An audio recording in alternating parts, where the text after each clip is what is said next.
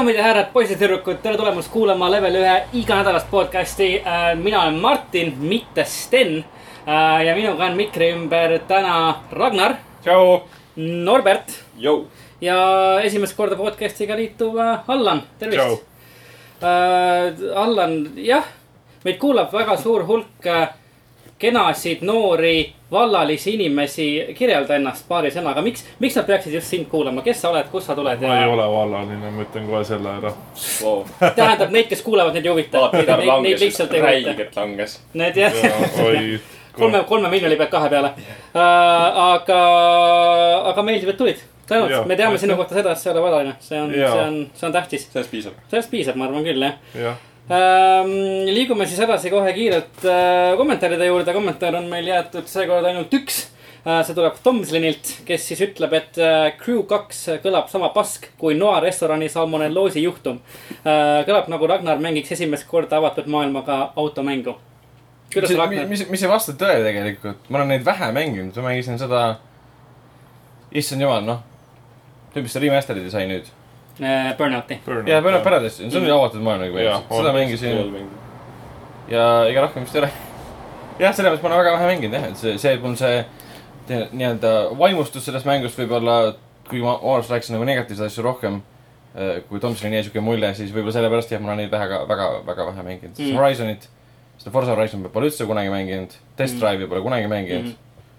et äh, võib-olla sellepärast, aga ma ei tea, selles mõttes aga sa, Crew kaks sulle endale meeldib või? äh,. lõppkokkuvõttes ei. rämps. arvustus sai ära kirjutatud ühte, ühte ajakirja. nimetusse jäävasse ajakirja. oodake po poodides ühte nime, nimetuks jäävat ajakirja jah, äh,, kus ma andsin üsna madala hinde sellele. okei. õige, õige. ja peamine, peamine põhjus oli ikkagi see, et seal, minu arust esimene osa, kui ta välja tuli, sai kohe mängida teiste mängijate vastu. Mhm, sa olid, lobid olid olemas.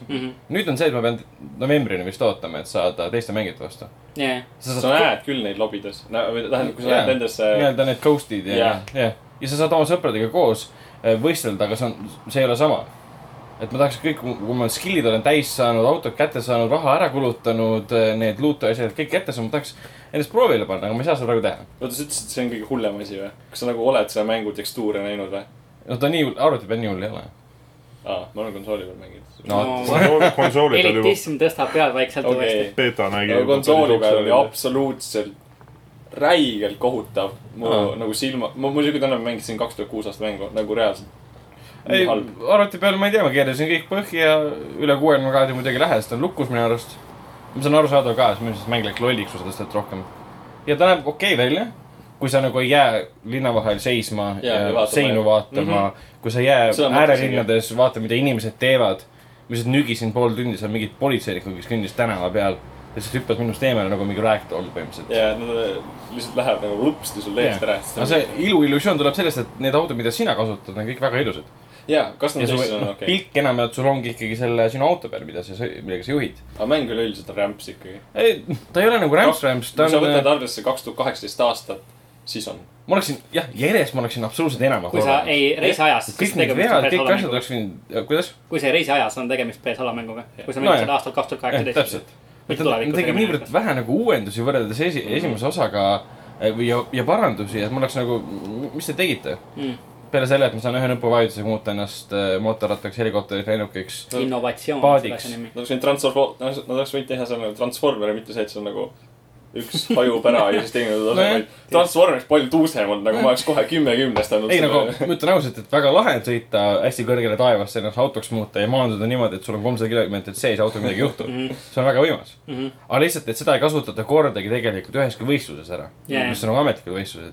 siis võistlustes on alati sisse ehitatud see kas bossidesse või siis see pro racing, kus tehakse sinu eest see valik. sina eelnevalt valid, mis, mis su loadout on autode puhul. kuidas sellises mängus üldse need bossid nagu välja näevad, mis, mida see boss endast, sa pead lihtsalt mingi Sul väga on- kiire auto vastu võidu sõitma või, või mis? ei, need on tavaliselt nagu kolmeosalised, see vähemalt, jah, enamjaolt olid kolmeosalised. mm.. see, näiteks- see oh. töötab niimoodi, vaata, sul on iga see, see classification või need värvid, vaata. jah, ja siis seal on sul kolm tier'i põhimõtteliselt okay. ja siis need bossi võistlused vist ongi iga see tier onju. Mhm. nagu kolm tiiri on nagu erinevad masinad on ju, mis sa saad lahti XP-ga. põhimõtteliselt küll ja sul ongi teatud asjade tegemiseks teatud masinad vaja, et sa ei saa teatud võistlusi teha ja bossidega isegi võistelda, kui sa ei ole teatud masinat ostnud oma raha eest. okei, ja tihtipeale noh, raha sa ei pea, ei saa kulutada, kui sul ei ole teatud koguses näiteks neid eh, followers'e või jälgijaid mm. -hmm. kuna sa saad jälgijate summa eest ka osta autosid, sa ei pea raha kulutama selleks mm, -hmm. mis on nagu veider. jah, aga siin, siinkohal me täname Tomsonit äh, võrratu äh, võrdluse eest, kus ta võrdleb Crew kahte salmonelloosi juhtumiga, nii et äh, jah, ma ei ole, mul ei ole kunagi salmonellaga kogemusi olnud, et küll aga Crew kahega, nii et sul põhimõtteliselt on salmonella. tuleb välja vähemalt Toms-, Tomsoni arvates.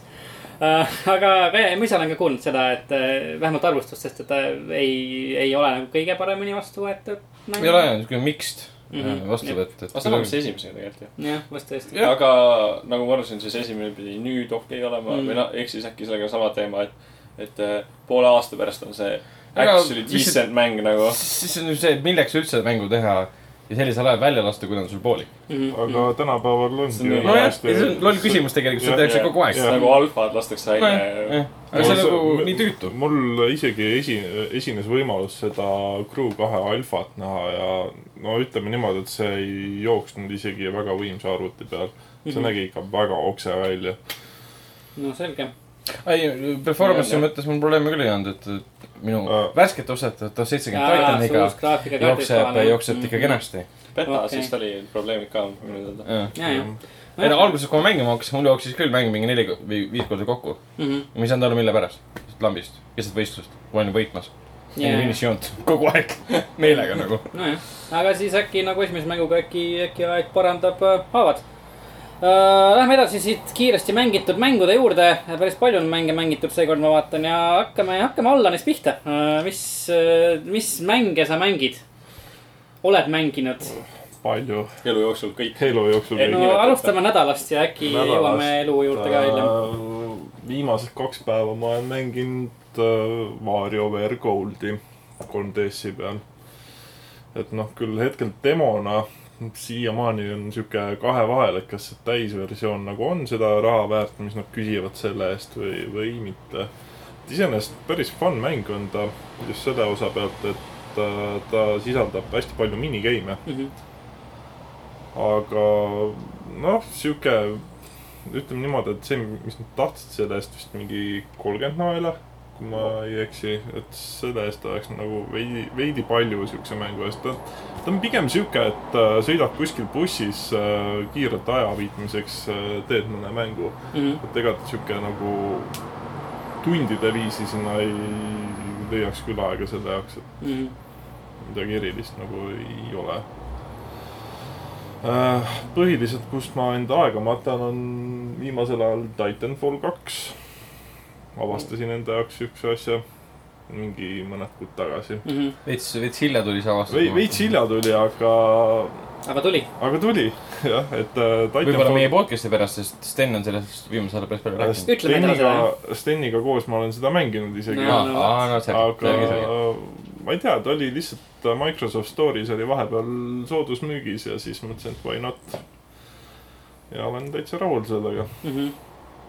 Ja siis äh, Sea of Thieves'i juurde olen ka tagasi tulnud, et ta sai endale päris huvitava update'i, et kui enne tundus see mäng lihtsalt sihuke võib-olla mõttetu seilamine ja kuskile aartekirstu kaevamisena, siis nüüd on sinna isegi challenge'id sisse lükatud. okei, Mm. et äh, näib, et see mäng nagu hakkab alles tärkama. okei. mida see täpsemalt nagu endast kujutab, mis, millised need challenge'id näiteks on? no üks. näide oli seal kohe selline, et sa pead leidma merinitsi kujusid saarte lähedalt. see kuskil ei ole kirjas, kus nad kindlalt on. puhtjuhuslikult sa pead neid leidma ja siis ongi kolm erinevat tüüpi kujusid, on Ruby, Emerald ja Sapphire kujud. mida sa pead siis vastavalt challenge'ile pead hävitama, Mhm. et see oli sihuke noh, omamoodi uus huvitav asi. jaa, ikka. tundub, et me peame seda uuesti mängima hakkama. jah, see on asi, mida me oleme rääkinud mingisugune poolteist, kaks kuud järjest aga, aga ega see, las, las see laevuke seal sadamas seisab, küll me ta lõpuks ikka üles ja, ei ta mäng on endiselt mul peal, ma panen maha laskma. sama siin. selles mõttes. et ütleme niimoodi, et üksi ei viitsi seda mängu kindlasti Jah, mängida, et sõpra, sõpradega on seda täitsa huvitav Mhm. mängida. just, just. nii, veel midagi? oota, ma mõtlen kohe. aa, Warframe'i hakkasin ka mängima Mhm. lõpuks. see on Pika- see see on tasuta mäng, mis on üles ehitatud rämedale grind'ile vist. jaa, põhimõtteliselt Destiny kolmandas isiksuses. Mhm, et ütleme niimoodi, et mängitavus kui selline tundus veidi sihuke kohmakas esialgu, aga kõik see maailm ja see on nagu päris huvitavalt üles ehitatud. graafika on väga ilus. mm..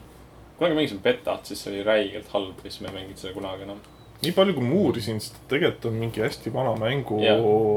põhimõtteliselt uuel kujul välja lase mm.. Okei, huvitav. aga ta on päris popp ikkagi, teda mängitakse päris, päris palju. nojah, ja see No- No-Clip'i ilmus sellest siis äh, dokumentaal ka tegelikult, Mis selles oli päris Youtube'i, hea. Youtube'i kanalis. nagu No Clip ikka oli ta päris, päris jah, hea ma. ise hakkasin ka ühel hetkel seda mängima ja mulle ta, noh, esimesed mingid tunnid väga meeldisid mm. Mhm. no sest ongi just see, et mis siin varem sai mainitud, et see, see grind on, on Mm. väga reaalne ja see. -hmm. see käib asja juurde, free to play ja see mäng. käib asja juurde muidugi, aga lõppude lõpuks oli see, mis nagu mind selle mängu juurest Mm. eemale tõukas Mm. tegelikult. No sul peab aega olema Jah, selle mängu jaoks, et kui sa tööl käid, siis noh, ma ei tea, õhtul tund-kaks, ma arvan, et see Mm. mm. selle mängu jaoks on liiga vähe. ja, ja. sa peadki reaalselt sinna mingi neli tundi alla matma. kuigi sellele kuulutati E3 ajal minu arust mingi lisaasi välja. Ja ma mäletan ka midagi, see on kohal minu arust juba. Äh, kirjade oli- järgi vist peaks alles tulema. oot, seal Aa, olid okei. surfilauad, kui ma ei eksi. ahah, surfilauad. Hoverboard'id või midagi taolist. seal on, seal on siis meri või jõed, ei, jõed on ei nagu hover, hoverboard. eile, ma just lugesin, et talle pidi mingi suurem update nüüd jälle tulema, mis pidi lisafeatuure juurde andma. mm.. see on lahe, et neil kogu aeg tulevad update'id tegelikult, ma väga palju pole nüüd mänginud, aga ma olen näinud kogu aeg tuleb juurde, see vahepeal oli see mingi Pl- Plains of Eidolon vist oli, mis andis mingi tohutu suure uue map'i sinna juurde Mm. kus on looduse värgid, sägid ja noh. Siiamaani on, väga õnnestus kõik sellega, mis nad selle mängu teha tahtsid. välja arvatud alguses, kui nad räigelt Mm. fail isid. The Sacrifice oli selle laienduse Ahah. nimi, mis Warframe'ile tuli E3-e ajal, kuulutati välja E3-e ajal, vot nii. veel midagi, Allan? praegult vist ei tule rohkem meelde küll, et oleks. selge. Ragnar, lisaks äh, juba räägitud äh, The Crew'le, mis sul on veel ette võetud Wreckfestiga olen jätkanud ja, ja see on, ta on, ta on lahe. mm.? Ta on, ta ei ole nagu, mis küll, minu mälestustes oli Flatout kaks oluliselt kiirem mänguna. Mhm. ja nii, Breakfast on nagu hea näide kõikidest teistest mängudest, et sul on mängud muutunud, jah. aga mängud on muutunud nagu mängud on muutunud nagu aeglaseks. Ja, noh, me teame, et äh, mitte Carmack, aga Romero, John Romero on seda korduvalt öelnud, et äh, shooter'id on muutunud aeglaseks ja kõik see. Mm -hmm. mulle tundub, et võidusõidumängud on ka muutunud aeglaseks. eks sellega seotud, vaata, et nagu maailmas inimeste IQ tase langeb, vaata. Siis nagu nad peavad nagu kuidagi nagu sellega, noh, taset hoidma, vaata. inimesed lähevad nagu veits lollimaks, siis nagu ei, taju nii hästi enam, vaata. ei, ma ei usu, et asi on selles, ma arvan, et pigem nagu kuna graafik, graafiline see- võimekus tõuseb, siis on rohkem, mida näidata. ja kunagise ajaga võrreldes on kindlasti maailma, ütleme, IQ keskmine tase langenud, sellega ma olen täiesti nõus, ma arvan. Mm, ei no. nagu päriselt. uudis oli, et Aa. äh, mingi. Norps on, Norps on tundnud seda ise, et IQ tase on langenud. mul ka, iga hommik ärkades vaatad jälle meeldib. üks, jälle läinud, jälle läinud. äratuskella küljes on IQ tester kohe. iga hommik, iga hommik läheb halvemaks, lihtsalt paremaks. nojah, aga ei, Breakfast on, ta on hea, et kui sulle kunagi meeldis see Destruction Derby ja Flatouti seeria, siis äh, noh, see on Flatouti seeria stuudio, kes teeb seda mängu. ma ei tea, miks nad seda Flatoutiks enam ei nimeta, kas neil pole õigused või mitte või lihtsalt tahtsid uut seeriat teha. Mm. et tuleb Breakfast kaks või või kolm. Flatoutil oli päris mitu osa oli. viis vist oli. Et võib-olla oli lihtsalt see, et ah, paneme mingi uue nime see. seeria nagu suri ära võib-olla, et teeme uue nime, aga jah, lihtsalt see Hävingu mootor on väga tuus. üllataval kombel mängisin hästi palju mitmikmängu, mis on väga hästi rahvastatud, seal on väga palju servereid mm. Mhm. -hmm. iga serveri jaoks saab inimene põhimõtteliselt teha igasugu reeglid, kas ainult bussid sõidavad, ainult murutraktorid sõidavad. kas on, ei ole lubatud nagu rammimine, ainult clean racing, sest ta töötab väga hästi ka rallimänguna mm. -hmm. ta on juhitavus on suurepärane selle koha pealt. kas see, kas see tuli nüüd äh, täismäng välja või ta on ikka veel betas või? tuli välja, Access tuli välja ja sinna arvutile jõuab ta vist, mitte arvutile, tähendab konsoolidele jõuab ta siis äh, novembris. praegu on arvutil täiesti olemas. siiski Flatout neli, Total Insanity no on vot, vot, vot, ja, ja. Aga lihtsalt midagi väga ilusat on selles, kui sa saad äh, teisi päris mängijaid mitmikmängus räigelt teed välja rammida mm. -hmm. ja tehes seda niimoodi, et sa paned gaaspõhjas kurvi, lükkad väikse, korraks käsi piduri peale ja, ja kuidas sa kurjust välja keerad, on see, et sa rammid teisele räigid külje pealt sisse, kes lendab välja, aga mina jään tänu temale teele, panen edasi Mm. ja see ongi see, et ma ei pane kunagi pidurit. väga taktika. Huvitav kombel, kui nagu Norps rääkis äh, The Crew'ga seoses oma sellest äh, äh, Transformerite fantaasiast, siis mina mõtlesin just äh, sellele, et see mäng võiks olla selline nagu, no ongi nagu Flatouti laadsem, et sa muutud mingi, ma ei tea, lennukiks ja, ja paadiks ja autoks ja saab mingi rammida üksteist ja mingi osi lendab ja pilpad lendab ja see oleks, see oleks päris äge tegelikult. tegelikult küll, isegi Crew puhul, teise osa puhul ma tundsin puudust sellest, sest eh, noh, asjad ei hävine. Mm. masinad põhimõtteliselt seal on milli-, natukene näed, aa, siin tuli jaa, sisse, muidu pole see on nagu. päris paljude automängude Mm. teema, et äh, absoluutselt sul auto ei lähe katki, et põhimõtteliselt ainukene, kes hoiab siukest reaalset feeling ut on äh, Dirt äh, Jaa, jaa, mängude jaa. seeria, et Jaa. seal nagu auto läheb katki, teistes mängus ei. jah, Breakfast samamoodi, et sul on tore vaadata, kui sa finišisse jõuad, sul on mingi, põhimõtteliselt ainult see, kus sa istud, on alles, et Mm. mm. midagi. aga see on muidugi see, et ta ei mõjuta väga palju juhitavust mm. Mhm. -hmm. mis on Jaa. ka loogiline, sest kui sa kohe mängu alguses crash'id, sõidu alguses mm, Mhm. -hmm. sul pole mõtet jätkata, sest mm -hmm. sa ei, sa niikuinii võita enam, sest see nagu balanss on nagu normaalseks te- tehtud seal vähemalt. See on päris äge okay. Cruise nagu, kui sa nagu oled lennukina, lendad, siis sind rammitakse taevalt, taevast alla. sa pead edasi nagu kas sõitma või paadina minema ja nagu päris, päris äge oleks, mulle meeldiks. muidugi sa pead need rajad niimoodi vastavalt üles ehitama, et see oleks võimalik. seal on muidugi see, et sa ei saa teisi mängijaid äh, otseselt rammida, siis nad võivad alati äh, auto ära vahetada Jaa. või siis välja minna, tihtipeale nad on need ghost'id nii-öelda. Mm, -hmm. et kui nad on su sõbrad, siis sa saad neid rammida ja nii edasi, et see on liigi tüütult keeruliseks tehtud. sa ei saa isegi seal äh, puud maha sõita, nii et. isegi mitte Jah, maha. mingid hästi väiksed, no mis näevad välja nagu nad oleks mingi õlekõrred, aga see ei ole maha sõitmine. kui on mingi siuke puu, mis meil siin nagu noh, ütleme nii, et on sama suur kui tänavapost on, tänavaposti said ilusti maha, aga kui Mm. puu on sama suur, mitte mingil juhul, kuradi rohelised. Lihtsalt ei saa. ma ei tea. mis on naeruväärne, kui sa sõidad mingi tohutu suure masinaga kuskil metsa vahel Jaa. off-road'il. Ja siis kogemata sõidan. vastu väikest puud, ma olen no- nagu mängust väljas. jah, see ongi, sa mõtled, ah ma panen siit läbi, midagi ei juhtu ja siis mäng on nagu mm, ei, nojah, nagu Gandalf, you shall not pass ja lihtsalt sa jäädki sinna. Jah. ja samas see osa challenge'ist ongi nagu see, et sul on, sul on väga kitsas vahe kahe puu vahel, sa tead, et kui sa kogemata lähed millimeeter vasakule, sa oled mängust väljas. aga kui sa lähed täpselt keskeltläbi, siis on see adrenaliinlaksid tuleb ikkagi ära, et sa lähed keskeltläbi kahe puu vahel. Just, just.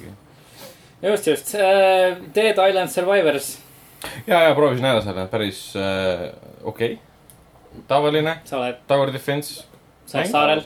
kus on saar ja kus on samad tüüpi inimesed nagu Dead Island esimeses mängus. peategelane on mingi mustanahaline suur tüüp, kes äh, oskab lüüa zombisid. alguses ta kiidavad üksteisega, üksteist seal mingi teise tegelasega. sihuke klassikaline zombi mingi see seriaali tegelane. Mhm. jah, et seal on samamoodi, et seal on mingi, sul on rada antud, kus kaudu need zombid tulevad põhimõtteliselt. kus sa siis paned siis takistused, mingid turetid püsti, mis hävitavad neid, leegiheitjad ja tühjendad saare niimoodi vaenlasteks, kus on siis suuremad bossid nii-öelda, väiksemad tavalised zombid. Mhm. aga noh, ei olnud väga, väga stimuleeriv ausalt öeldes. kas uh, Almost a Hero oli selle võrra stimuleeriv? ei, see on täpselt siuke mäng, et kuna ma viimasel, viimasel neid nagu mängima hakanud, siis kui ma Instagrami kasutan, siis Instagram alati räigelt reklaamib kõiki igasuguseid mobiilimänge okei, see tundub okei okay,, panin tööle, ei, ei ole. see on lihtsalt sul on mingi kolm-neli hiiret ühe poole ekraani, teise poole ekraani tulevad järjest hordade kaupa mingid vastased ja sinu mängu ülesanne on see. ehk siis ma näitan seda, kuidas sa lööd näpuga vastu ekraani, mitte midagi muud ei tee. kuulajad, Ragnar Absoluutselt. so toksib sõrmega õhku. ja see ongi nagu nii ajusid ülistav, mängisin seda viisteist minutit. lihtsalt toksid ekraani, isegi sa ei pea vastase pihta tulistama. Selles mõttes, et see tuleb ükskõik kuidas talle pihta. sinu ülesanne tegelikult on korjata kulda, mis vastasest maha jääb. ehk siis RPG, nad nimetavad seda olmuste hiiret nagu RPG klikkeriks. Mhm. RPG tuleb siis sellest, et sa saad tegelasi osta, neid võimeid arendada, upgrade ida ja nii edasi. Mhm. sarjaga noh, sa ei saa kõiki nimetada RPG-ks Ei.. mitte väga jah. siis, kui sa leveldada saad, see ei ole RPG. nojah, igas mängus saab leveda, see ei tähenda Jaa. RPG kohe. Mhm. ja see oli väga nüri, absoluutselt. ja ega jah, on kõik. On kõik, jah. mänginud. No siis liigume edasi äh, Norpsi juurde. vaatan, et äh, maailma popim mäng on sul äh, ette võetud vahepeal. Äh, süüdistan Margust selles. Margus on meil äh, jah, ma kirjutasin. Fortnite. hästi- hästi pika- Sorry, ma hakkasin ka seda mängima, tuli meelde no.. no vot, no vot. sain eile isegi Victor Royale'i, no vot, väga hea. mitte ühegi killita see on kõige kuidas parem. see nagu siis eelviimane äh,. sul sai? põhimõtteliselt see on äh, niimoodi, et äh, lihtsalt ma jooksin sinna viimasesse safe zone'i mm. -hmm. ma lihtsalt istusin mingi kuramuse künka otsas, näen kaugelt, et äh, see viimane vastane jookseb minu poole mm. -hmm. ja siis see udu tuli sinna ja siis see vend ei jõudnud lihtsalt udusest välja, siis mõtlesin, et okei okay,, et tavaliselt on see, et saad esimese one shot'ina kohe surma, aga nüüd on see, et lihtsalt istub künk otsas ja vend sureb. jah, läks hästi, läks hästi. nii, Norps. Me saime ka eile Victory Royale'i neljakesi lausa ja striimis lausa. väga ja kaunis. see oli veel viimane mäng ka lausa. Väga kaunis. nii et äh, ilus punkt striimile. kirstordile täpselt just. see oli hea. ma ma nagu hakkasin seda mängima niimoodi äh, väga kuidagi irooniliselt, et nagu noh, ma olen sellest artiklit tohutult kirjutanud niimoodi, et ma ise pole seda mängu mitte kunagi oh,. mänginud me leppisime kokku, et sa ei räägi sellest. oli juttu, et ei räägi sellest, jah. aga nüüd, nüüd ma olen nagu hakanud seda mängima see on, ma pean tunnistama, et see on päris decent mäng, actually Mm. mm.. aga mitte nii, et kui sa mängid seda üksinda mm. -hmm. üksinda ma ei mängiks seda vist, ei pakuks parem pinget. vaid ongi see, et te lähete sinna neljakesti, kolmekesti, noh ka kasvõi kahekesti. ja nagu te lihtsalt nagu lollitate mõnes mõttes ja siis te saate Victory Royale'i, siis te kõik imestate, kuidas te selle Victory Royale'i saite mm. -hmm. sest et te kõik nagu absoluutne prügitipp nagu teete jumala halvad lihtsalt ja siis nagu ikkagi võidate. ja siis lihtsalt olete õnnelikud enda üle vahepeal.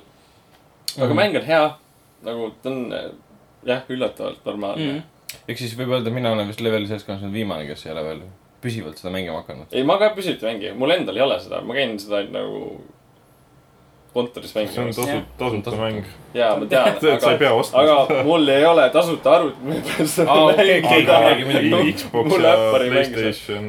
Xbox'i peal saaks, see aga. telefon, mis sul käes on. Ka jaa, ma ei, ei, ma ei, ma ei lange nii madalale, et telefoni peal mängima võtta. aga Xbox'i peal. Ragnar on leidnud endale võrdväärse elitisti. elitisti, jah täpselt, mul paneb su nime kirja. Äh, tegelikult ma mängin küll telefoni peal ühte mängu, aga sellest natuke hiljem. jah, Fortnite lihtsalt, see on jah, las ta olla. Mhm. Ja siis ma eh, puhtjuhuslikult kordasin sellise mängu üles nagu Dark Messiah of Might and Magic eh, kaks tuhat kuus aasta mäng. Dark Mhm. Messiah oli isegi võib-olla kaks tuhat kolm või oli kaks tuhat neli, ma nüüd ei mäleta. hästi vana mäng ühesõnaga. põhimõtteliselt eh, Half-Life'i engine'i peal üles kaks tuhat kuus. kaks tuhat kuus. oli jah Mhm. Half-Life'i engine'i peal üles ehitatud. ma hakkasin seda mängu sellepärast, et ma nägin hästi palju meeme sellest. Lihtsalt sellest, kus sa lööd jalaga ja siis kõik lendavad ja siis sa Jah. eh, põhimõtteliselt hästi palju interact ida saad ja siis see tundus mulle kuidagi nii fascinating ja ja siis ta ei ole küll nii hea, kui mulle nagu videost tundus, aga see on ilmselt sellepärast, et ma ise ei sakkinud selles nii palju. aga ta on päris okei mäng, arvestades seda, et ta on kaks tuhat kuus aasta mäng, ta on jumala hea mäng.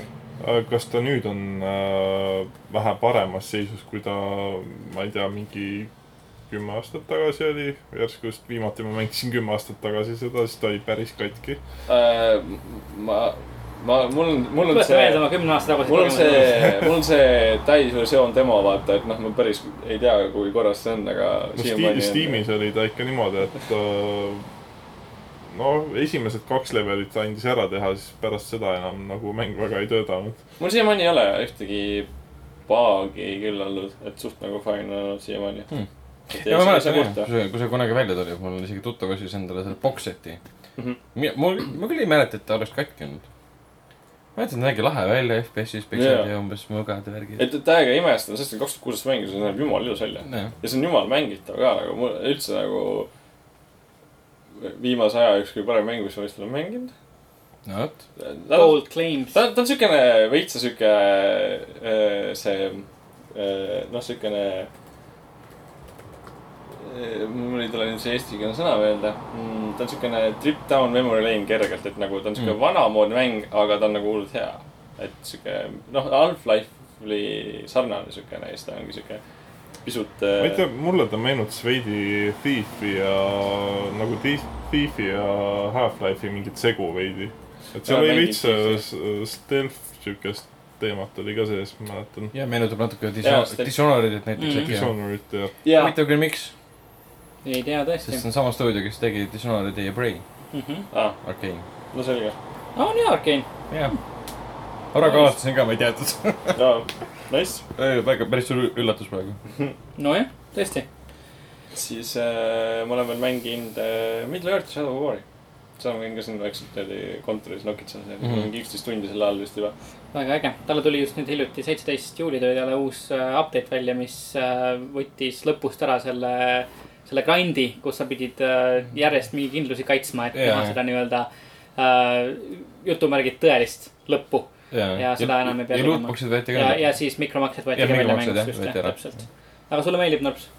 minu arust mäng täiega lahe. mulle ka meeldib jah. nagu Sten ütles, et äh, see on siuke äh, nii suur grind ja blablabla. Margus ütles ka, et ei, tegelikult Sten vist ei olnud, see Margus ütles, et see on nii suur grind. noh, ta jättis nagu siukse negatiivse mulje, aga ma mängisin nagu, see on jumala tuus. ma saan nagu orke endale armeesse rekruutida täpselt selliseid badass'e, kui ma tahan nagu. põhimõtteliselt ongi see, et ma saan meelega surma talle, et boost ida mingi räigelt tugevaks, Mhm. onju. ja siis, ja siis nagu, ja siis meelega äh, noh, demote in teda või nagu seal on see, et sa saad teda shame ida. alandada, alandada ja siis ta läheb mingi hulluks ka veel ja siis Mhm. lõpuks on ta mingi täielik maniak, kes on nagu davai, davai, too tiimi nüüd. Et Jaa, sa nagu teed põhimõtteliselt ise ja sa saad nagu niimoodi mängumehaanikat ära kasutades teha nagu hullult tugevaid. ja see on nagu minu arust, see mängu juures üks kõige lahedamaid Mhm. feature'id üldse. minu arust ka ja see Nemesis süsteem on nagu väga unikaalne asi tegelikult, mida, mida saab väga ägedalt ära kasutada. noh, mul oli kogu aeg neid hetki, kus mingi nii-öelda see orkile ma olen üle võtnud ja ühel hetkel see reedab mind mingi Jaa. I, tr- I trusted you, siis mingi reedab Jaa, mind, tapab mind ära ka veel nagu. mingisugune kutt, keda sa oled mingi viis korda maha löönud, tuleb ikka veel tagasi. ma just tahtsin just rääkida, mul oli üks tüüp, keda ma tapsin reaalselt neli korda ära. esimene kord oli, ma küll tapsin ta lihtsalt see, et mõõk läbi onju, et noh Mm. midagi hullu ei ole. teine kord ma lõin talle pea maha ja keha pooleks. vend tuleb tagasi, ma olin nagu, kuidas? mis tal oli plaaster kaela peal või? ja siis tal oli mingi mingi meta-, metall ja mingi see, mu sõbrad öö, klopsisid mind tagasi kokku, mingi siuke. sa olid literally juppideks, how the hell nagu. haljad. no samas need on orkid ka, et noh, need. ja siis ma tapsin teda veel kaks korda ära ja siis lõpuks ta tappis mind ära ja siis ma, kuule, kuule noh, et äh, aita mind, ma suren juba. aga nüüd mul on plaan, et ma lähen võtan ta enda tiimi, sest see on ta mingi jumala katki lihtsalt. sõna otseses mõttes, et ta on nagu tugev katki ja ta on nagu katki. ja, kusjuures täpselt see ongi, et kui sa nagu isegi kui need kutid, keda sa mingi viis korda maha lööd, kui nad tulevad tagasi, nad tulevad tagasi palju tugevamad Yeah. yeah.. Nad on täiega väga, väga, väga, väga kõvad tegelased. minu arust üks äh, hull lahe mehaanika see ka, et osadel on see mm, deadly weakness või mis asi see on yeah.. et äh, mingi kindel asi tapab ta ühe laksuga, mingi Mhm. stealth või midagi. see on minu arust jumala hea feature, sest et muidu mingi hull äh, räigelt tugev max level weakness'id ei ole ja siis on see üks weakness ainult. ja muidu tal on mingi hullult head treidid ja siis seal ajal mingi putukad on seal, vaata need mm. putukad lased talle kaela, vend sureb laksust ära, siis on nagu täiesti mõttetu. ja see on kõige. lahedam asi üldse, ta on võimatu ork, jah aga ta kardab mingit ühte asja, mis Jaa. teeb talle one shot'i mingi jah, Mhm. see on nagu nii naljakas lihtsalt või mingi tuli või siis mingi poison või on nagu Mhm. jumala hea feature. See kõige paremad on ikkagi minu arust need äh, orgid, kelle need äh, nii-öelda see üks surmav viga, see Achilleuse äh, kõõlus nii-öelda on Mhm. midagi väga nagu abstraktset. kui on mingisugune nagu, ma ei tea, vibuga mingi headshot, siis on suht nagu lihtne asi, mida Jah. teha. aga kui ongi mingisugune, ma ei tea ma ei tea, mingisugune mürk näiteks või see on Ahah. seda nagu palju raskem esile tuua nii-öelda. Ja sa pead otsima nagu neid- mõtlema veidi ikka. Neid kroog, neid asju pead otsima, vaata Mm. neid, et Nojah. seda poisonida teda muud moodi ma aga samas just. oleks võinud isegi sügavamaks minna, võiks olla nõrkus, et äh, kardab oma emale pettumust valmistada. sa pead otsima tema ema üles ja tegema ta olukorra, kus ta valmistab talle pettumust, siis tuleb ära sellest. sa pead ta endal ti- tiimi võtma ja siis ema saab temaga mediseda, siis ta saab surma. see tuletab mulle meelde see Vampiri Aa. kus Vampiris oli see, et kui sa äh, tapsid kellegi ära koos imesid tema verd, siis ta suri ära Jah. ja siis sa kuulsid äh, oma peas selle inimese, kelle sa tapsid, tema viimaseid mälestusi äh,. ja siis sa kuulsid, kuidas aa, et mingi, ma ei tea, mingi oligi mingi kodutu kutt, kes aa, et ma, ma olin oma vanematele nii suur pettumus ja nad raudselt ei taha mind, ma ei tea, tagasi ja värki särki, siis mõtled, et kurat küll lihtsalt. kirjutajad, miks te teete mulle niimoodi, ma tunnen ennast sitasti lihtsalt. See on üks mäng, mida ma tahan mängida. ja see on väga hea, soovitan, soovitan, soovitan, soovitan. sai palju peksa, aga tegelikult väärta asi. no ei saanud palju peksa tegelikult. no ikka sai. no ei saanud Oh. mitte digis, padum. jah, jah, aga nii, Brain Orps. Braid ma olen siin paar korda striimis mänginud äh,. Ta on hea, okei okay mäng, ta on siuke hea mäng, aga ta ei ole nagu siuke, et äh, vau, ma tahan seda nüüd uuesti kogu aeg tulla mängima, et noh. Mm. et ma ei ole nagu hooked, aga ta on siuke okei okay mäng, mida aeg-ajalt mängida. tal on see nagu mehaanika, mis võlub. jaa, see mullimehaanika, Jaa. näiteks mulle väga meeldib seinu ronida sellega. jumal aga tõup aga nagu. tal ei ole nagu seda, seda põhjust, miks sa peaksid seda hästi palju nagu järjest mängima, tal ei Jaa. ole nagu Mm -hmm. lugu, mis võluks või tegelasi, mis võluks, see story on selline eh, Mm -hmm. välja arvatud teatud pöörded, mis on väga huvitavad. ma ei tea, samas minu arust Aga- Prey on siukene huvitav mäng, me räägime minu arust praegu Prey'st. olles ise natukene kallutatud sellest äh, tagasisidest, mida ta on saanud. sellepärast, et Prey minu arust oma olemuselt ei ole üldse erinev näiteks ütleme BioShockist. Ütleme, kui BioShock on- oleks, on küll. ja minu arust, kui ütleme, kui BioShock oleks äh, saanud halvemaid arvustusi, siis inimesed võib-olla räägiksid temast äh, sarnaselt nagu meie praegu räägime Prey'st. ma ei ole lugenud arvustusi nüüd. Ta ei ole saanud nagu väga, väga sooja vastuvõttu, mitte ka väga ta- halba. tal, tal tuli uus ju DLC, mingi Ja see on Blood, Blood Moon. ei, Moon mingi Crash. Moon Crash, Moon mis pidi väga hea olema. mille kohta põhimõtteliselt öeldi, et see on nüüd, Prey on nüüd hea mäng. jah, jah. tänu sellele uuendusele. okei, just jah, et äh, aga samas see ei ole loopõhine lisa, see on yeah. siukene korduvusel põhinev ja tal pidi. tulema alles ju juurde nüüd pidi vist tulema jah, hiljem loopõhine lisa jah, pidi vist tulema jah. ka. Aga lihtsalt, kui BioShocki puhul lugu nõretas igas nagu nurgas sulle nagu külge, sa tundsid seda, siis Prey puhul ma ei tundnud seda väga palju üldse. lugu ei ole hea väga kaasarvav, ma tunnistan ka. ta on nagu mitte siukene, kaasa arvata, ta pole, teda on vähe seal. jaa, ta nagu Sa- ju- junk'i tükkide kaupa kuidagi esitatakse. võiks olla rohkem ja, sest et äh, ta on ikkagi single player mäng. see küll, ta ei ole otseselt, ta nagu on open world'is, aga ta ei ole, sest et seal on hästi palju ala, mida käia, aga samas sa ei saa igal. avatud Mm. kosmosejaam. jah, jah, et nagu ta on nagu piiratud open world mäng. aga võib-olla selles ongi asi, et, et Prey on, on mäng, mis nagu rohkem üritab ennast üles ehitada nagu mängitavusele, kuna ta on nagu avatud yeah. maailm. ja sul on need nii-öelda mimikud ja siis sul nii-öelda see mängu keskne aspekt on see oht, mis tuleb igalt poolt. samas kui Mhm. BioShockis mängitavus tegelikult on üsnagi selline noh, tavaline ja see lugu ja see atmosfäär on see, mis nagu ennast igalt poolt peale surub. see BioShock jääb sulle ette ikka. ei, nad on, nii sarnased, nad on minu arust nii, nii sarnased Nad on stiili poolest minu arust hästi sarnased. et kogu see nagu see kontseptsioon seal taga on minu arust nagu vägagi võrreldav Prey ja BioShocki vahel. minu, minu jaoks vähemalt. ühe taga on Ken Levine'i geenius, teise taga ei ole. pean on- tunnistama, et ma olen nende mimikute poolt korduvalt karjunud.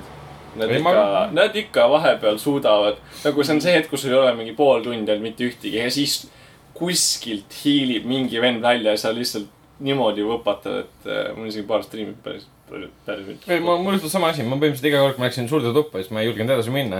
ma võtsin mingi relva kätte, hakkasin tulistama suvalisi asju niimoodi. ja lõpuks lähed ruumi sisse, tuleb see, tuleb see pingeline muusika peale. sa ei näe müülikut. kui sa, mängid klappi, siis kuuleb, see käib see. jaa, ja, tükk aega kõnnid ringi, aga ei mingi hetk ole, sa unustad ära selle, sa nagu hakkad muid asju vahepeal tegema, sa unustad ära selle ja siis sul ei tule meelde ja siis järsku sa kuskil mingist räägid jumpscare'i ja siis oled seal jälle, okei okay,, ma ei Mhm. taha rohkem mängida. enam ei taha jah, peab pausi tegema. ja siis nagu ma enne ütlesin ka, et ma telefoni peal ka mängin, mängin ühte, ühte, ühte Jaapani algset mängu äh,, Pandori uh. Bang Dream. rütmimäng. Margus mäng Aa. ah.. jumal tänatud huh.. huh, Ta on, eh,, palun jätke. Jaapanist, aga EU versioon. Mhm. ja jällegi tänu Margusele äh, mängin seda mängu äh,, hakkasin mängima ja nüüd ma mängin seda suht igapäevaselt. rütmimäng, kus sa avad kaarte äh,. mängu nimi on Bang Dream Girls Band Party ehk siis need on viis bändi, mis koosnevad naistest. Nad on idolid põhimõtteliselt, Ja päriselt on ka- ma kuulsin Bang Dream. ongi D-ga või G-ga? G-ga. selge, siis ma kuulsin õigesti. Bang Dream. Girls Band Party. ma olen väga segaduses praegu. jah, Me kõik oleme. Okei, nii, idol-bändid Jaapanis, nii. ja neil on äh, ja see on rütmimäng nagu, neil on, nad teevad nagu cover'id ja ka originaallaule ja siis on nagu rütmimäng mm. -hmm. nagu a la Guitar Hero telefoni peal äh,. ja siis äh, nagu osadel bändidel on nagu, tähendab osadel neil gruppidel on nagu päriselt nende voice actor'id ongi muusikalised artistid mm. -hmm. ja nad teevad live esinemisi äh, äh, Jaapanis nagu ja siis neil on osad, ma ei tea, kõikidel bändidel eh, need eh, voice actor'id ise ei oska pille mängida, kuigi nad mängivad mängu, siis neil lihtsalt mängib see muusika taustal, aga on ka bänd, ma tean, et üks on kindlalt, kus eh, päriselt need voice actor'id ise mängivad instrumente ja nad teevadki laive, mis on ülimalt tuusvarust. sest et nad on tegelikult idolid, aga nad oskavad mängida üllatavalt hästi instrumente ja laulda ka. et see on nagu suht uus. ma See on tegelikult Margus nagu, ah, see on tasuta mäng, jah? tasuta mäng, aa, okei. hullult hea mäng. nagu see on jumala hea ajaviide Hmm. ja, ja nagu need, noh. ma ennem seda Jaapani muusikat kuulanud, aga siis Margus nagu lasi mulle selle muusikat ennem. Selle ühe, see bänd, see ongi äh, Roselia ja siis äh, nagu mulle hullult meeldis see muusika, nagu ta on siukene äh, metalish Jaapani äh, idol bänd. ja siis nagu see on umbes nagu, umbes nagu see Hull. baby metal või? Baby metal on päris metal, aga ta on siukene pigem rockilikum on, on veits,. on ikka päris metal või? ei nagu, ta on rohkem metalim kui Roselia see on Pokemon. äh,. Äh, Roselia, oota neil on äh, laulud jaapanikeelsed ju- Youtube'is, ma ei suuda, ma pean pärast võin sulle lingid saata. ühesõnaga, see mäng on üllatavalt hea, sa kogud selle kaarte ja kaartidel on tähed ja nende põhjal sa nagu saad rohkem punkte. ja siis iga mingi nädal, kaks nädalat on event, kus sa pead punkte koguma mm. ja siis saad kristalle ja nende eest saad osta kirste, mille eest sa saad siis kaarte. Sa saad, sa saad ka osta päris raha eest, aga nagu sa saad seda mängides ka lihtsalt mm. -hmm. väga hea mäng. no selge, kõlab huvitavalt Jah.. Ragnar kohe hakkas guugeldama. kas on juba telefonis? jaa, ei telefonis ei ole, aga tundub, tundub äge, ma siin muusikat tööle ikka panema, aga. jah, jõuab pärast Bäng, bäng on, G-täht on suure tähega. ka. hea. väga hea, ma arvan, et äh, arendajad said aru, et see tekitab küsitavusi, nad panid keegi suure tähega, igaks juhuks. aga ma üldse ei imesta, kui Baby Metalist tehakse ühel hetkel äh, mäng ka, et. No vot. ainult aja küsimus. siuksed on äh, veel paar tükki vist seal Mm. Jaapanis ikka, et Baby Metal on lihtsalt tuntum. ja kindlasti. ühte ma isegi kunagi kuulsin, ma olen isegi paari Baby Metal laulu kuulanud, kõik ei ole head, aga mõned on. ei noh, tuntumad on video pärast need lahedad, sest jah, mingid tšikid hüppavad ja kargavad seal. Mm. karate näiteks ma arvan, saad näinud. ja siis, mis oli, Chocolate. jah, millest ta laulab, Chocolate nagu. jah, vahepeal ütleb seda. midagi, midagi muud aru ei saa rohkem. ja nagu. aga mingi Jaapani, Jaapani metal tehnosegu oli ka, mingi Child of, Ähm, äkki sa mõtled seda Fear and Loading in äh, Las Vegas? See on film What? Ameerikast. ei, bänd on olemas või? oota, ma kohe vaatan, oot, oot. miskit on kuskil segamini läinud. ei, ei, oot, oot, ei ole, Fear and Aa. Loading in Las Vegas ongi bänd. mina mõtlesin äh, bändi nimega, see on Jaapani oma äh,. Äh, äh, Blood Stain Child, seda ma ei tea. Jeesus. mis on selline mingi ilge tehno, aga samas metal taustaga. Mm. kunagi väiksena kuulasin, päris tõus, ma vaatasin, neil on see aasta tuli uus album välja. no vot okei, pärast mitut aastat. ja Fear and Loathing in Las Vegas, uurin, välja. täpselt nii. no vot, aga seni, kuni äh, Ragnar äh, laskub enne sügavamale hullusesse äh, Jaapani liigume, vaifude maailm. Jaapani vaipude maailma, liigume edasi minu mängudega kui no, Norbert, sa olid lõpetanud. ja, ja, anna, anna tuld. Prey oli, Prey oli kõik.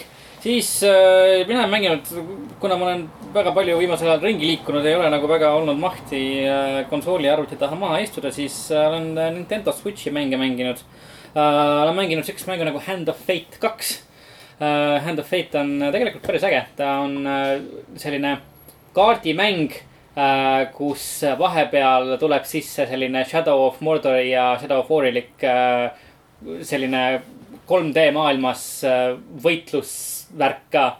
et see kõlab väga-väga segaselt, aga ta on päris äge, et äh, ongi, hakkad oma nagu noh, hakkad ikkagi oma nagu kaardipakki ehitama nagu ikka ka kogumiskaardimängudes. teed rohkem challenge'id läbi, saad uusi kaarte äh,. enamus mängus istud, lihtsalt äh, diileriga laua taga, see diiler on, on üks väga-väga hästi hääl näideldud tegelane. ta on ainuke tegelane, kellel on hääl näitamine põhimõtteliselt selles mängus ja seda, see on väga-väga-väga hästi tehtud, et siukene sügav tämber ja selline salapärane ja väga sihuke krüptiline värk, mis tal suust välja tuleb alati, et keegi kunagi ei tea, mis, mis miski tähendab ja mis miski on. et, et päris äge ja siis, kui sul on äh, nii-öelda noh, kui kaardimängus tuleb koht, kus sa pead nii-öelda võitlema vastastega, siis äh, see võitlus toimub reaalses nii-öelda kolmedimensioonilises ruumis. Sa saad nagu siis noh, jah, saad mõõgaga lüüa, saad, sul on niisugune light attack, strong attack, saad eest ära hüpata, saad äh, kilbiga bash ida ma olen kuskil kolmandiku vaates või? äh,. ja, ja, ja sa näed oma tegelast tagant, saad kaamerat liigutada, kõike äh,. siis äh, kaartidega tuleb sulle nii-öelda ette, kui palju sul vaenlasi on, mis tüübid mm -hmm. nad on äh,. saad enne lahingut vahetada oma relvi, oma varustust vastavalt sellele, mis nende va- vaenlaste vastu kõige paremini töötab. relva, relvade, relvade varustus on ka kaardid, et äh, olenevalt sellest, mis kaardid sul parasjagu nii-öelda siis äh, pakis on, siis neid, nende vahelt sa saad nii-öelda valida. ja siis need siis nii-öelda materialiseeruvad selles nii-öelda äh, päris maailmas ka ähm,. ja noh, nii sa, nii sa võitled, et saad, teed rohkem challenge eid läbi, saad aina uusi nii-öelda kaarte juurde ja mida aeg edasi, seda, seda rohkem kaarte sul on ja seda keerukamad need nii-öelda challenge'id siis, väljakutsed äh, katsumused ka, ka on, et see mäng koosneb kahekümne kahest challenge'ist Mm. et seal ei ole otseselt nagu sellist ühte läbivat lugu, vaid see iga challenge on selline omaette siukene väikene eraldiseisev mm -hmm. lugu uh,. Need on päris ägedad, nagu chapter'is ja põhimõtteliselt nagu peatükid, aga need, need ei ühenda väga miski. mm.. et, et sul on nagu nii-öelda korduvaid tegelasi, et sa saad äh, oma seikluste käigus endale nii-öelda siis nii-öelda companion card'e. Ehk siis kaardid äh, inimeste kohta, kes tulevad sinuga kaasa, kes sind aitavad, kes sinuga koos võitlevad mm. -hmm. ja, ja nemad on siis nii-öelda läbi nende challenge ite samad äh,. olenevalt, kelle sa valid, sa saad alati ainult ühe kaasa võtta, vähemalt siiamaani sa saad ainult ühe, ühe kaasa võtta. aga ta on päris äge, et need lood on, on huvitavad. näiteks just äh, eile mängisin lugu äh,, kus sa pidid äh,, kus ühesõnaga varaste gildi siis äh, juht äh, kutsus sind enda juurde ja ütles, et, et ta sai krüptilise sõnumi selle kohta, et ta kolme päeva pärast tapetakse. ja ta kahtlustab oma kolme ihukaitsjat ja sinu ülesanne on aru saada, kes neist ihukaitsjatest on, ta tapab ära. ja siis nagu ta nii-öelda vahele võtta. ja sa saad nende ihukaitsjatega minna missioonidele ja teha igasuguseid huvitavaid asju. kui sul on piisavalt kuulda, saad neid nii-öelda informatsiooni osta, sa need täis joota, niimoodi informatsiooni saata, kõik käib mingi kaardimängu äh, mehaanika läbi, vahepeal pead täringuid peeletama näiteks, et saab mingisugust nii-öelda miinimumi ületada. Ja see on päris äge, lõppude lõpuks mu, ma ei saanud, ma arvasin valesti, et, et kogu see info, mis sul oli, paagid läbi, pakud end tema ja lõpuks ikkagi lõigati talt kõri läbi, nii et, nii et äh, päris huvitav. äge on see, et, et näiteks selles missioonis see süüdlane kogu aeg varieerub, et ta ei pea olema sama inimene, näiteks kui mm -hmm. ma otsisin hiljem nagu netist äh, vastust sellele küsimusele, et kes siis ta, kes, kes õige oleks olnud, kes õige mõrvar oleks olnud. siis äh, see vastus oli, oli äh, alati erinev. Et äh,. kas sul sai see õige vastus olla või? äh, no saab küll õige vastus olla, sa saad selle süüdlase vahele võtta, aga see oleneb sellest, see on juhuslik ühesõnaga aa, okei. et, et kes parasjagu midagi on, on teinud, sa pead lihtsalt ise olema piisavalt tähelepanelik ja nagu aru saama sellest. et ta on, ta on päris äge, siukene klassikaline siukene Dungeons and Dragon, Dragonsi meetodi ühildamine siukese, ongi Shadow of War'iliku äh, võitlusmehaanikaga. et äh, päris äge ja seda ma absoluutselt ei teadnud selle mängu kohta, et seal on kolm isikuvaates võitlus Jah. sees. jah, mm,. ja, ja ma teadsin, et ta on kaardimäng, esimest osa reklaamiti omal ajal väga palju. mm,.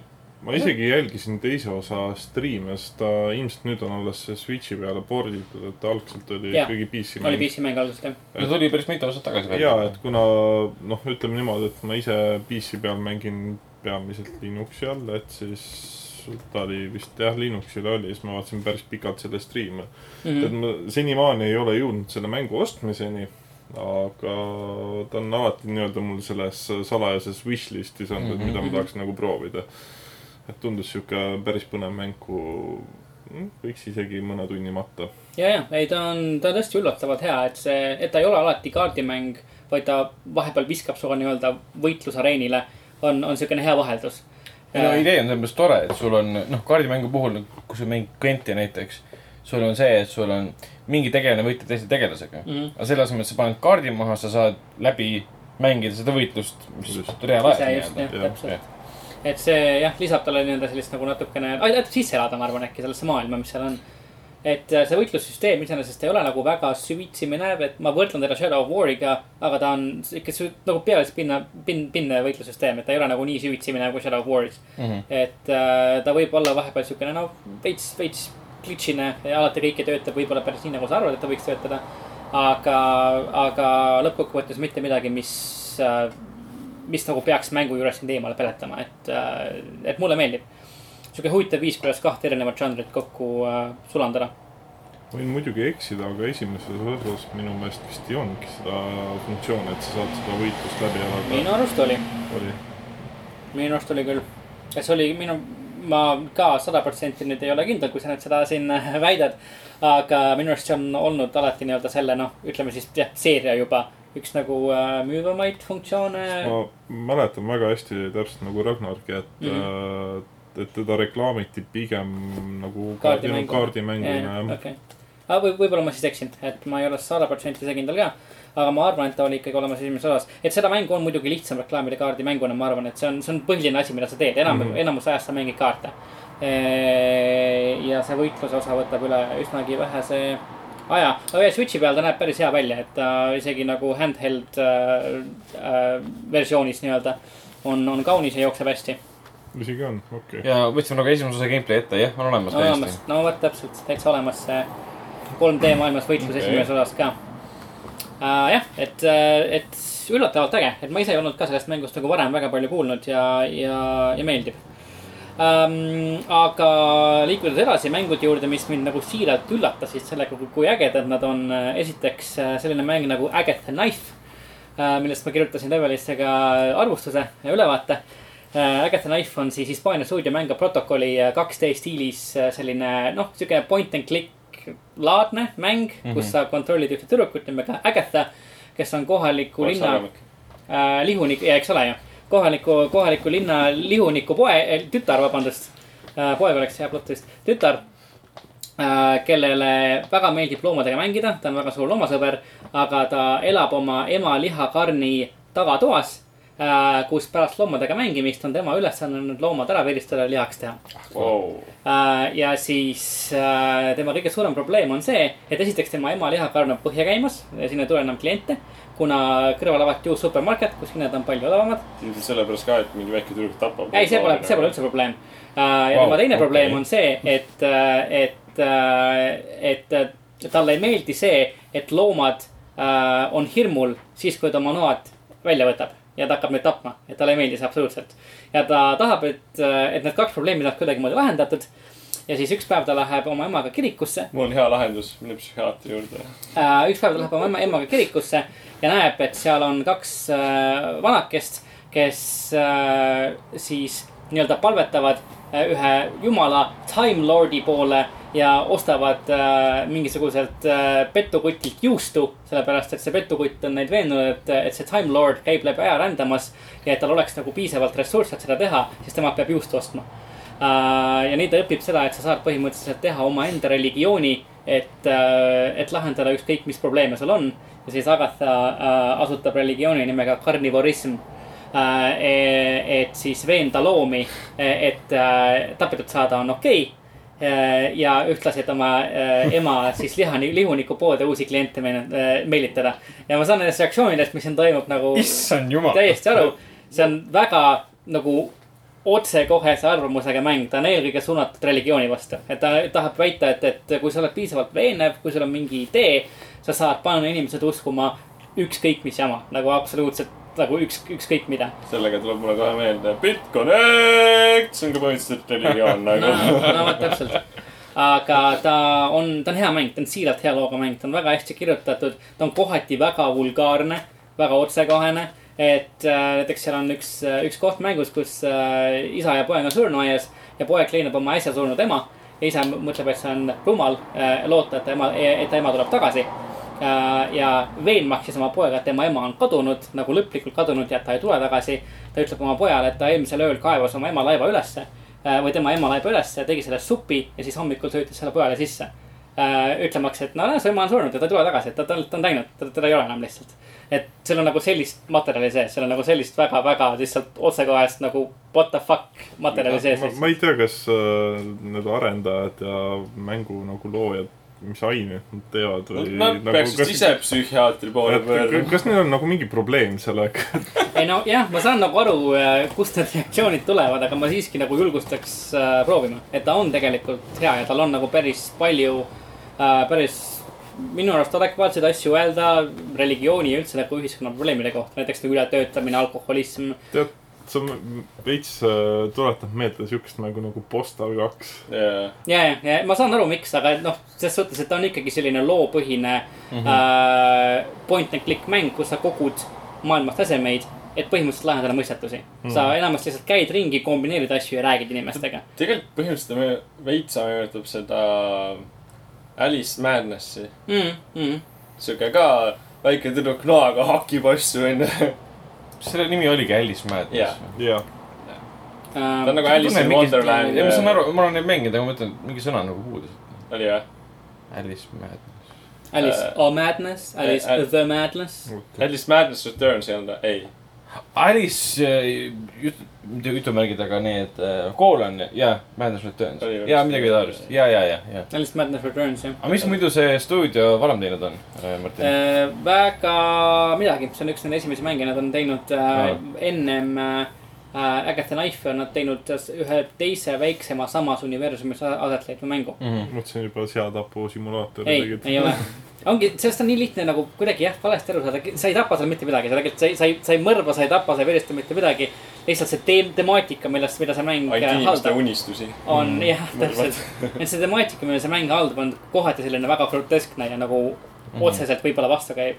ja selle tõttu on ta minu arust huvitav ka, et nagu enamasti suurstuudiote mängud tänapäeval ei julge nagu nii kaugele minna. näiteks nagu Far Cry viis näiteks, ütleme, võttis endale temaatikaks sellise väga näiliselt päevakohalise asja nagu religioon Ameerikas ja ekstremism.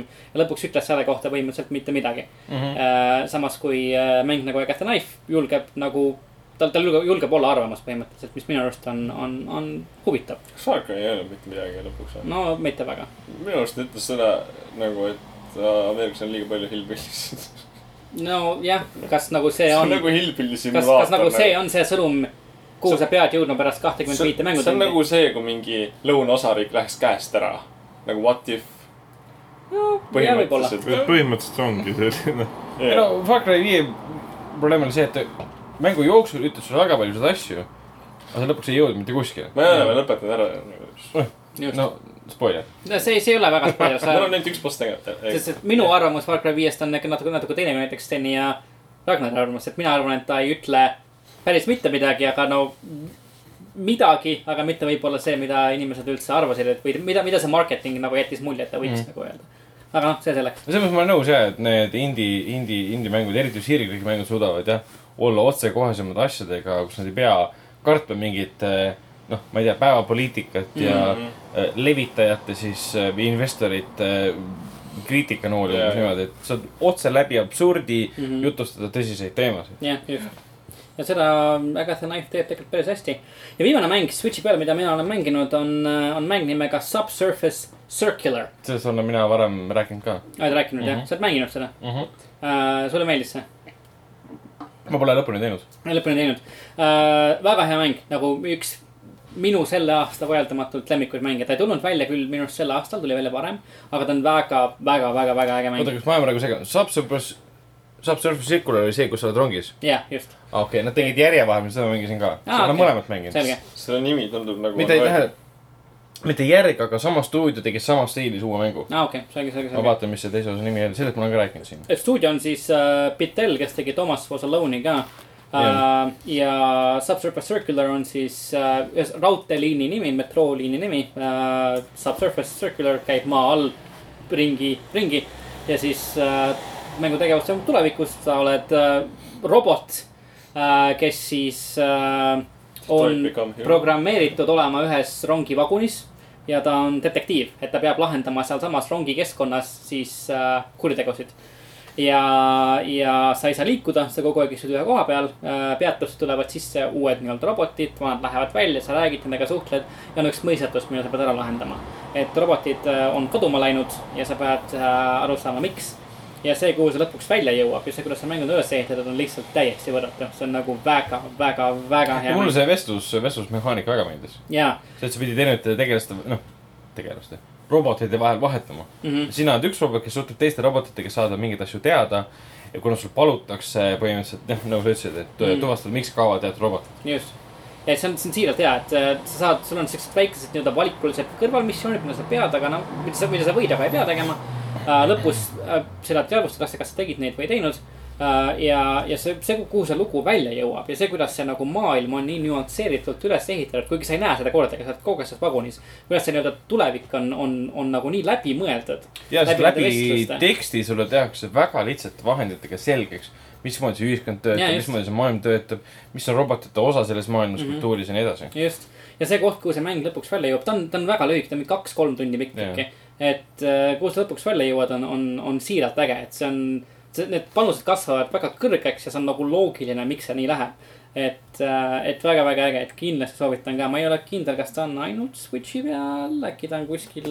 ja ta on jah PC, ma ei tea, kas konsoolidel on muidugi, mina mängisin noh, seda omal ajal PC peal ta oli, paar eurot maksis tõenäoliselt ainult. ja, ja Mm, mingi jah., pole väga kallis jah sest. noh, Mike Pittel on selles mõttes väga tuus mm., Mm. kuna ta tegi selle Thomas Was Alone'i, mis mm. oli Mm. põhimõtteliselt äh, sa omandasid emotsionaalse sideme gemeetriliste kujunditega, kes tahtsid paremat elu.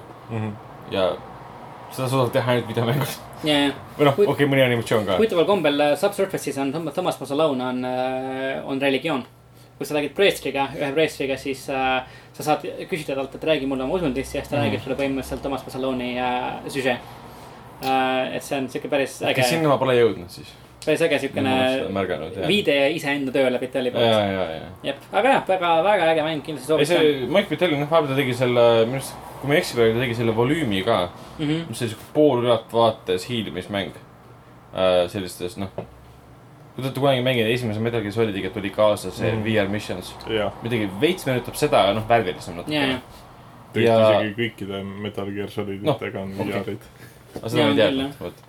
aga seesama, jah, nad tegid siis sel aastal mais tuli välja Quarantine Circle, millest Mhm. ma rääkisin ka e- ühes, ühes podcast'is.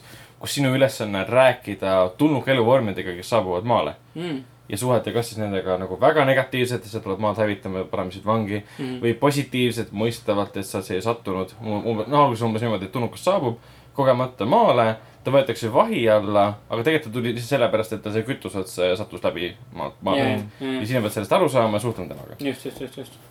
ja umbes samamoodi la- lahendatud ka äh, nagu seal esimeses Nii, äh, versioonis. ja tead, Vitelli mängud on ja väga siuksed omapäraselt ägedad, väga minimalistlikud, aga samas väga nii-öelda sügavad. jah, need ei maksa ka mitte midagi, et sa absoluutselt soovitan proovida, Mm. siin kaotada pole midagi. vot nii, aga sellised tuleb välja, olid meie mängud sel korral, enne veel, kui läheme edasi uudiste juurde, räägime natukene level ühe Youtube'ist ka, kus saab näha tervelt äh, kahte äh, Fortnite'i videot. tundub nagu, tundub nagu mingi popp mäng olevat. ühte ma olen vaadanud, see oli tore. ja lisaks veel on siis olemas ka videoarvustus äh, MSC Immerse GH70 peakomplekti kohta. Nii et seda saab ka äh, vaadata ja mängud, nii, Norps. tundus, tulevat kommentaari, mängud. ei, selge, Norps aevastas lihtsalt, arusaadav, Aa. ma ütlesin uh, good stuff. on Tuus. nõus, nõus. järgmine kord valjemalt, jah, siukene väga emotsioonikalt, väga tuus. väga tuus lihtsalt, õige. ja mängud, mis tulevad välja kahe podcast'i vahel, on meil äh, kahekümne seitsmendal juulil Hello Neighbor ja WarioWare Gold. ning siis äh, esimesel augustil ähm, Yakuusa Zero arvutile. vot nii, nii ja liigume edasi kiiresti uudiste juurde ja saame alustuseks rääkida vanusepiirangutest ja saame rääkida sellest, et äh, Inglismaal äh, viidi childcare.co.uk poolt läbi küsitlus, kus siis osales üle kahe tuhande lapsevanema ja selgus, et äh, lapsevanemad ei ole väga huvitatud videomängudele kehtestatud vanusepiirangutest. ei ole, saan isegi omast kogemusest rääkida. ma ei nimeta, kus ma kunagi töötasin mm, -hmm. aga reaalselt sai inimestele isegi antud hoiatus, et see ei ole just võib-olla kümneaastasele sobilik mäng mm.. Näiteks GTA viis. just, tegelikult see on hea point, et see omast kogemusest asju, ma arvan, on meil siin võib-olla isegi nagu kõigil on mingisuguseid kogemusi sellega, et vanusepiiranguid mängude puhul nagu ei väga austata. et äh, näiteks üks Eurogeimer ajakirjanik, kes sellel teemal kirjutas, ütles, et kui tema kunagi töötas äh, GameStopis ja ta üritas öelda, et äh, ühele kliendile, et GTA neli ei sobi kümneaastasele, siis äh, selle nii-öelda lapse isa, kes üritas oma lapsele mängu osta, süüdistas äh, nii-öelda siis seda ajakirjanikku tol ajal müüjat, et ta üritab õpetada teda, kuidas oma last kasvatada äh,. näiteks minu elukaaslase vanemad keelasid äh, oma kaheksa aastasel pojal äh, Fortnite'i mängimise, kuna nad arvasid, et see mäng on liiga vägivaldne ja see on poolegi aastase sealt põhjustanud nii-öelda suure, noh, veidralt suure furoori, mida mängud tavaliselt ei, ei, ei, ei tekita. Aga kui ma küsisin neilt, et kas nad on teadlik sellest, et see mäng on äh, nii-öelda, et selle mängu vanusepiirang on kaksteist aastat, siis sellest ei oldud teadlikud. et äh,, et vanusepiirangud on hea. tegelikult pole üldse raske kontrollida. ei, ei ole. Aga keegi ei tee seda. jah, täpselt, kuna noh, võib-olla nagu eesti keeles ka, et see, see mäng on sõna, mida sa seostad lastega Mm. ja, ja seetõttu sa ei, võib-olla ei eelda või ei arva, et, et mingisugusel mängul võiks olla vanusepiirang, mis, mille sisse lapsed ei mahu. aga mina nagu olen nagu kuidagi nõus, et ma, ma ei tea, kas ma ise kontrolliks seda. sest et nagu, ma ei oska nagu seletada seda. ma võib-olla oleks huvitatud äh, nagu sellest, mida mu lapsed mängivad, aga ma, ma arvan, et ma ikkagi keelaks seda. no no sõltub lihtsalt, vanusest. lihtsalt sellepärast, et äh, vahet ei ole, kas ta mängib seda. isegi kui ta ei mängi seda, ta saab täpselt need samad asjad kuskilt mujalt. No Youtube, telekas, internet, üldiselt, ajaleht, saad aru, ta saab seda nii või naa igalt poolt. see, et ta mängib seda, ei muuda enam midagi Mm. see on tegelikult huvitav, et sa mainid telekat ja ütleme näiteks filmi, kuna küsitluses küsiti ka selle kohta, et. Et kas äh, peetakse kinni filmidele äh, kehtestatud vanusepiirangutest ning siis äh, filmidele, filmide vanusepiirangutest ei pidanud kinni ainult kakskümmend kolm protsenti äh, vanematest, samas kui mängude vanusepiirangutest ei pidanud kinni äh, kaheksakümmend kuus protsenti vanematest, nii et äh, filmide ja teiste meediumite puhul äh, peale mängude on vanemad palju altimad pidama kinni soovitustest kui mängude puhul Mm. mm.. Ähm, ja see on, ma olen nõus sellega, et, et lapsed niikuinii, kui nad tahavad, nad leiavad viisi, et jõuda selle mm. -hmm. selle nii-öelda meediumini. samas ma ei näe siiski põhjust, miks isegi olukorras, kus lapsed saavad potentsiaalselt tarbida neid asju, mida nad ei peaks tarbima, tarbima. ei peaks lapsevanemad olema huvitatud sellest, mida nende laps tarbib. ja no ma ei tahtnudki seda öelda, et mitte mind ei kotiks, vaid ongi see, et ma ilmselt oleks huvitatud, aga ma arvan ausalt öeldes, ma laseksin ikkagi, ma laseksin mängida Mm. ma võib-olla vaataksin nagu noh no,. ilmselt, kui ma olen nii vanem, mu lapsed, ma ise mängin ka mänge, onju. et ma arvan, et eh, noh, selles selles suhtes, et ma arvan, et kui ma olen ise selle läbi mänginud, oleneb loomulikult, mis vanuses mu laps tõesti on, et noh. no aga sellisel juhul sobiks sulle väga hästi see sotsiaalministeeriumi poolt äh, pakutud välja äh, süsteem, mis võis kehtida Eestis, mis oleks siis mugandatud PEGI süsteem, kus äh, alaealised saaksid Eestis mängida täiskasvanutele mõeldud mänge vanema või hooldaja Jah. äh, loal. jah, just, et minu arust see on ka nagu päris äh, mõistlik äh, süsteem, et äh, meil eelmisel üle-eelmisel, vabandust, mängutööl toimus siis ka paneelarutelu Lastekaitse Liidu, Laste, Lastevanemate Liidu level ühe ja siis Sotsiaalministeeriumi esindajatega, kus sellest teemast räägiti. ja sel teemal algatati ka mõttepaber siis Sotsiaalministeeriumi poolt pärast mängutööd. Aga see minu teada ei ole veel kuskile nii-öelda ametlikumatesse kanalitesse jõudnud Mm. et äh, ide- ide- idee on olemas, see mõttepaber on jätkuvalt olemas äh,. kirjutasime sellest Everest'i artikli, see äh, link mõttepaberile on artiklis olemas. ja kes tahab, saab seda sealt äh, artiklist ka väga hästi üles leida. no, aga noh, sellega ongi kaks asja, et ühelt poolt on see, et vanem otsustab just, lõpuks. vahet pole, kas on kuni kakskümmend viis keelatud või mitte, vanem otsustab. Ja filmidel on tegelikult sama nagu USA-s ka. Lapsevanem võib oma kümneaastase lapse kaasa võtta filmi, mis iganes Serbia filmi näiteks, kus äh, vägistatakse beebisid näiteks, võib selle kaasa võtta.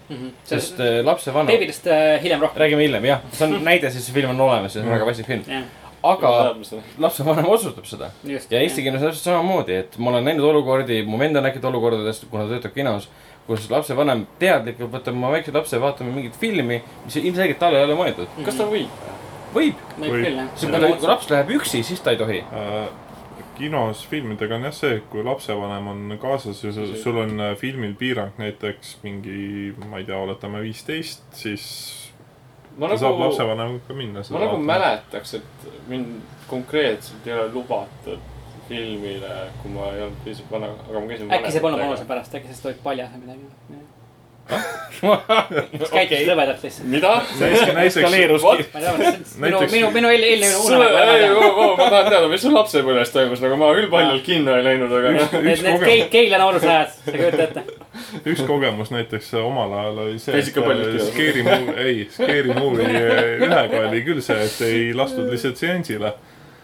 Mhm. et Oota, mis ma äh, saan täiesti aru. sa mõtled seda Jah. komöödiat või? jah, komöödia Scary see on Movie. R-rated komöödia. on või? aa, no see, aa. tuleb, tuleb meelde, jah, meelde. muidu me kõik vaatasime seda alaealisena. mul tuleb Muidugi. need rappusid meelde, aga mitte see. STP-d olid sellel ajal olemas. Nojah. ja mängudega on äh, sama, samamoodi. mõnes mõttes isegi ma olen üllatunud selle tule, uuringu tulemuse peale mm.. puhtalt sellepärast, et mängudest on viimastel aastatel nagu nende mõjust ja ütleme, vägivallaaktsioonide või noh mm -hmm. äh, seoses räägitud. et see info võiks nagu kohale jõuda kuidagi lapsevanemateni mm, aga ilmselgelt see nagu ei ole jõudnud. ja Ma ei- et kas me ootame seda, et Inglismaal tekiks ka vägivalla nii-öelda äh, massikooli tulistamine, ehk siis kohalik saaks siduda seda mängudega, et siis kohalikud saavad alles aru, et näed, mängud võivad olla ohtlikud, aga meil on vaja sellist seost jälle. ma arvan, et see on pigem see teema, et äh, äh, vanemad võib-olla reguleerivad seda nii-öelda arvuti kui meediumi tarbimist rohkem kui seda, mida nad seal peal tarbivad. Nojah. sest seda, mida nad seal peal tarbivad, nagu väga raske isegi. vanemal jälgida. välja arvatud see, kui sa ei paigalda sinna a la mingi tarkvarased, mis keelavad tal asju teha või. mistõttu ongi meie. generatsioonil väga hea võimalus oma võimalikel tulevastel lastel seda paremini reguleerida mm.. sest meie kui praegused mängurid teame väga hästi, mis mänge tehakse. noh, järgmised sõltub, kaua me elame, viiskümmend aastat. Ja Kusjuures- lapsed, kui mängivad, me teame, mida nad mängivad. kusjuures ma ei muretse üldse äh, nagu mängude pärast. ma pigem muretsen interneti pärast nagu, mida sa saad seal, seal teha.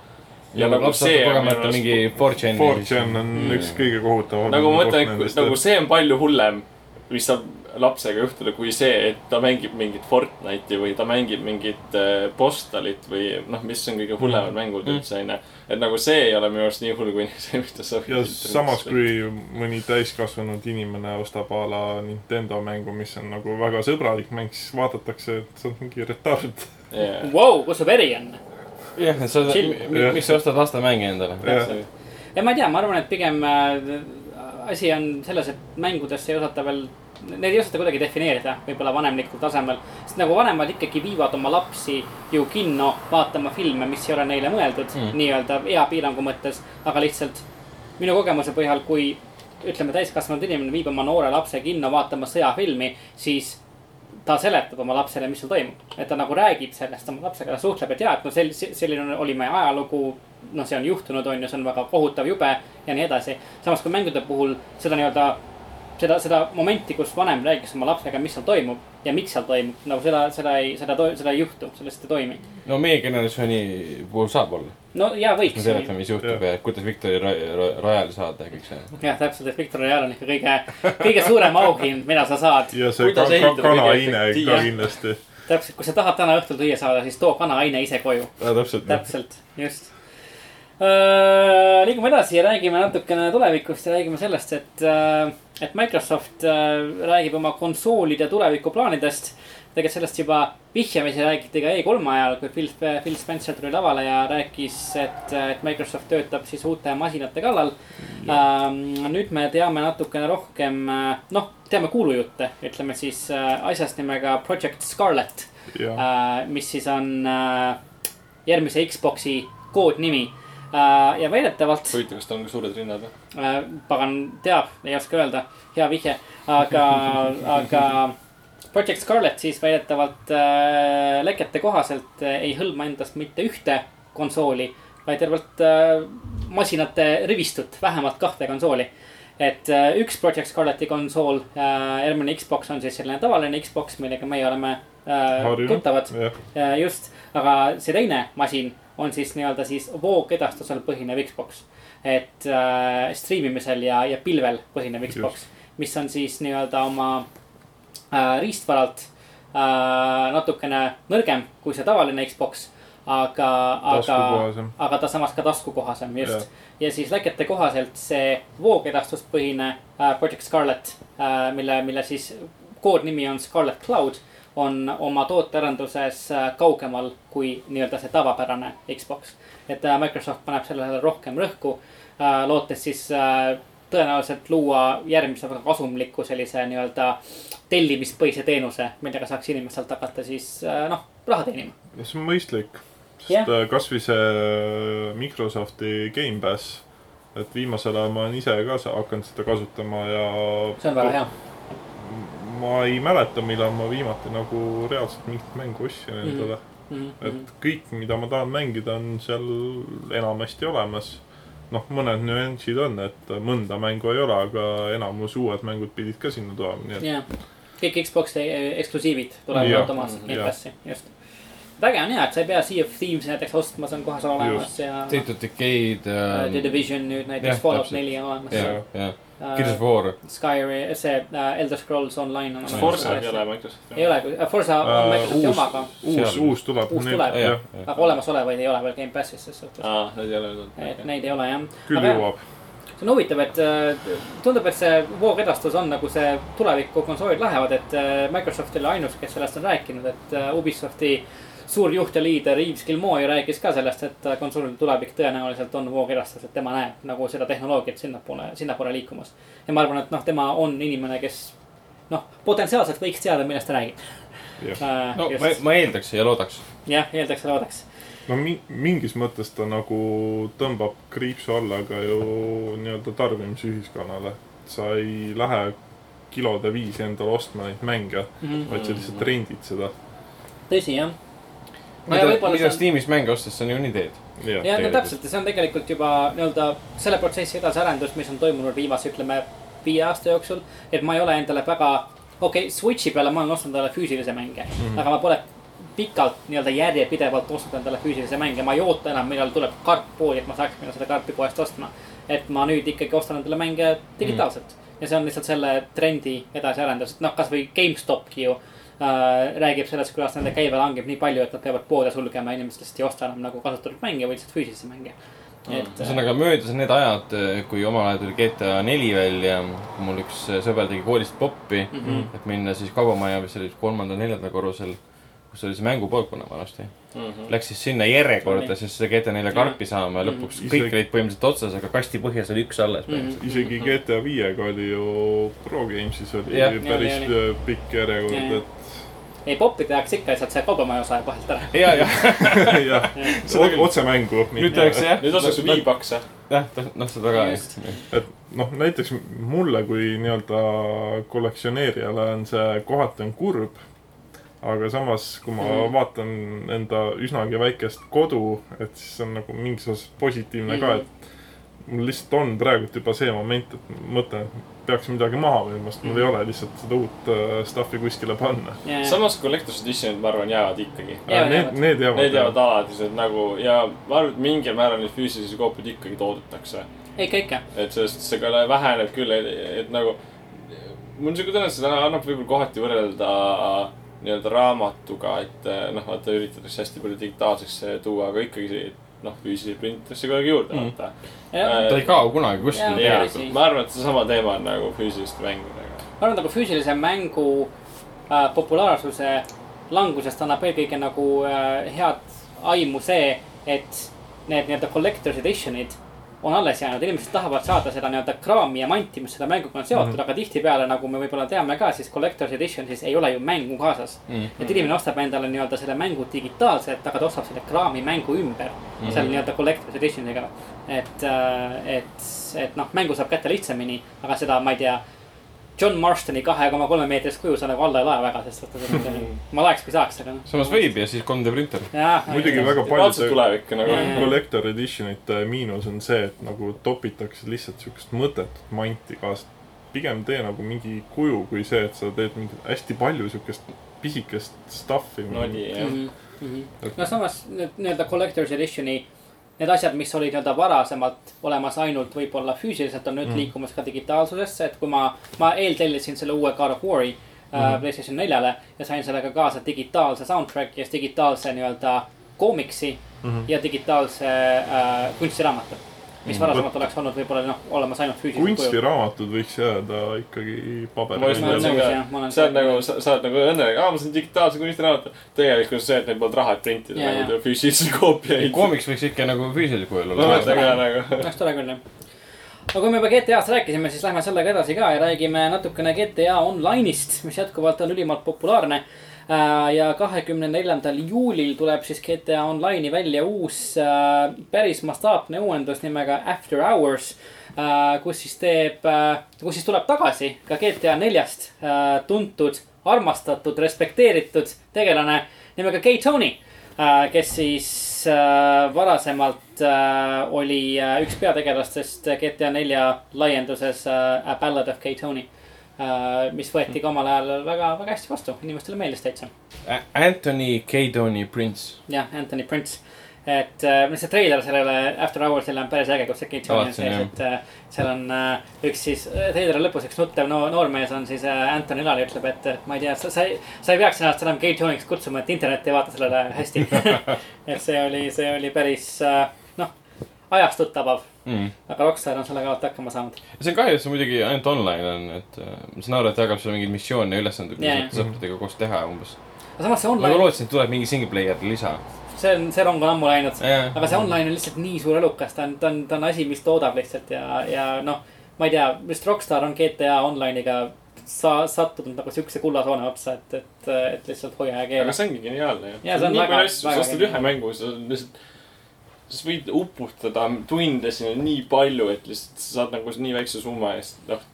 noh, ta ei No ta ole on päris väike. pra- no praegu tegelikult ta on päris väike, mingi kakskümmend viis vist isegi, sa said Ei. seili ajal minu arust kahekümne viiega juba. no seili ajal. küll, aga praegu tavahinnaga ta on ikka täismängu hinnaga täpselt jah, just Jah.. ja huvitav ja kõnekas on ka see, et nii palju, kui me oleme viimasel ajal rääkinud mikromaksetest sellest, kui halvad nad on mm. -hmm. siis GTA viis ei ole kunagi selles diskussioonis nagu sisse tulnud, et ta on alati sellest väga kuidagi raskest teemast puhtalt mööda sõitnud? ja, ja no need äh, shark card'id ju näiteks, mida sa saad osta, et omale mängust sellest raha, raha Jaa. juurde saada ja mm. muidugi on jah. et see, selle põhjalt raha teenibki, see aga pigem annab tunnistust nende oskusele luua nagu head hästi, tasakaalu. hästi ennast turundada. mikromakse ei ole halb, vaid Ei. sa pead lihtsalt mõtlema sellele, et Jaa, just. kui head asja sa nagu vastu pakud Nõus. selle eest. nõus, nõus. vot nii äh,, rääkides äh, veel mängudest, mis ei ole välja tulnud, siis äh, Fallout seitsekümmend kuus millest räägiti Oi. rohkem viimase E3 ajal ja Take me home. täpselt. Country home. ja tuleb välja, et äh, Mark saab hakata koju minema äh, oktoobris äh,, kuna oktoobris äh, siis korraldatakse Fallout seitsmekümne kuue beeta. ohoh. see on siis nüüd konsooli beeta või PC beeta või need kõik koos? Xbox'ile vist pidi ta nii-öelda esimese Eksklusiivne algul tuleb. esmajärjekorras Xbox One'ile, pärast seda tuleb äh, Playstation 4 ja telefoni Pealt.. Telefonile pealt jah ei, ei tule. ei, ei, et Xbox One'il on siis jah, nii-öelda ajastatud eksklusiivsus sellele beetale, aga jah, oktoobris siis äh, saab proovida ja mäng tuleb ise välja neliteist november juba tegelikult. üsna, üsna hilja siis. just jah, päris, päris jah, tegelikult tõesti päris hilja. ei, ma mängin teda niikuinii, sest ta tundus tegelikult väga lahe. ütleme ausalt, et äh, mulle kui noh, ikkagi päris suurele Fallouti fännile on see, et lõpuks ometi sa saad sõpradega koos mm. Fallouti mängida.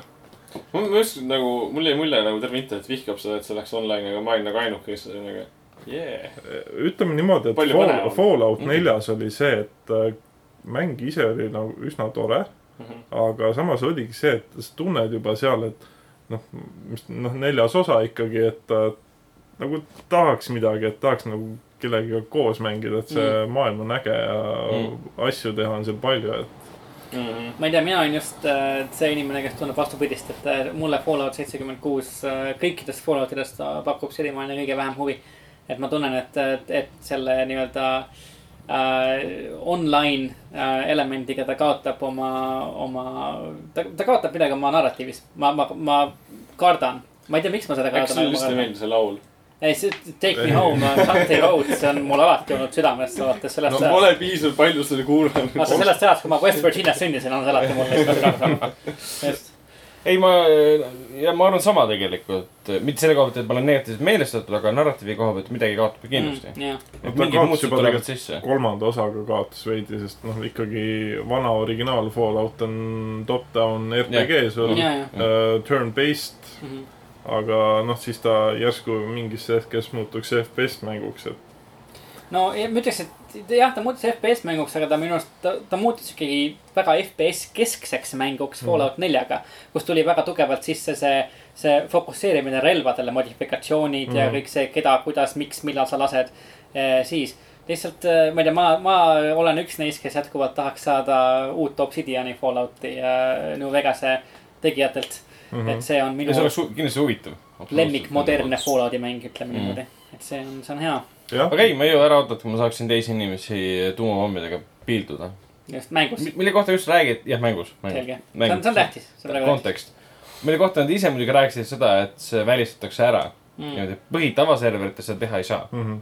Siis muidu noh, mäng oleks suht mõttetu, see kohe hakkab mingid kindlad pommitama. serverid selle jaoks ilmselt Kas või? no kui seal on nagu custom serverid, ma, ma ei tea. kas jutt oli ikkagi sellest, et ta mitte ei tule see, et sa saad sõpradega koos nii-öelda siis üksikkampaania mä-, quest'e teha, vaid siis on ikkagi see, et ongi täiesti niimoodi, et sa oled äh, suva inimestega ühes serveris ja mängid seal sama map'i peal. jah, pidi ka olema suve inimesega, suve inimesi pidi olema mitte väga mitte väga palju. palju, mingi alla kahekümne vist oli. Jah, midagi taolist. et üks suur, noh, põhimõtteliselt ma eeldan, et suure, mis ta ütles, suurem kui Fallout neli korda on ja midagi. ühesõnaga no nagu ikka nende rollikatega Jah, kõige suurem kaart peale, mis me oleme teinud ja Jah. kõik see mambo jumbo. sellepärast see on nagu ikkagi, ikkagi huvitav, sest sa oled üksi koos, ütleme kahekümne pluss inimesega ühel suurel kaardil mm. Mhm. -hmm. šansid, et te kohtute nagu üsna ahtakesed selle koha pealt, igaüks ehitab oma baasi. aga see on hea ju. nojah, sellepärast, et ta ongi nagu ju. see loob selle sama siuksele isolatsioonitunde, mida see postapoomaailm tekitama jah, peab. ongi, et siis sa näed inimest oh,, jess, ma nägin inimest. siis on Ma- kaks varianti, kas sa oled jess, ma nägin inimest, ma lasen ta maha või jess, ma nägin inimest, davai, saab mu parem või ta one shot ib sind kuskilt kaugelt. jaa, mingi kuskilt snaiperiga. aga see on, samas see on Fallout, ilmselt one shot teda ei saa seal. Ma loodan, et ei saa. nojah, kindlasti on mingi Power armor, overpowered Power relva kindlasti. overpower armor. aga jah, ma ei, jah, mina võib-olla, kes on mänginud mänge eelkõige lugude pärast, siis, siis äh, mulle Fallout seitsekümmend kuus vähemalt hetkel ei ole väga äkki see silma on hea hakanud. lugu? aga kas tal on? Sa see üksikkampaania hilja osa nagu jäetakse alles minu arust ei jäeta, ta on, ongi äh, ainult nii-öelda netipõhine mäng, mida sa saad mängida Mm. koos teistega. et, et see jah, see selle tõttu ma olen natukene nii-öelda ettevaataval seisukohal, aga elame-näeme, me pole, me ei tea sellest mängust siiamaani veel Jah. väga palju, et äh, vaatame, mis tast saab. tõenäoliselt Fallout seitsekümmend kuus saab olema edukam kui The Culling kaks Äh, mis äh, tuli välja nüüd üsna hiljuti äh,, käis põhja väga kiiresti ja on nüüd juba müügilt eemaldatud see on jah, äh,. käis põhja kiiresti on pehmelt öeldud, ma arvan. ja käis põhja ikka, no rekordkiirusega. nagu started from the bottom ja siis ta nagu kuidagi läbis, vajus läbi selle bottom'i veel sügavamale nagu.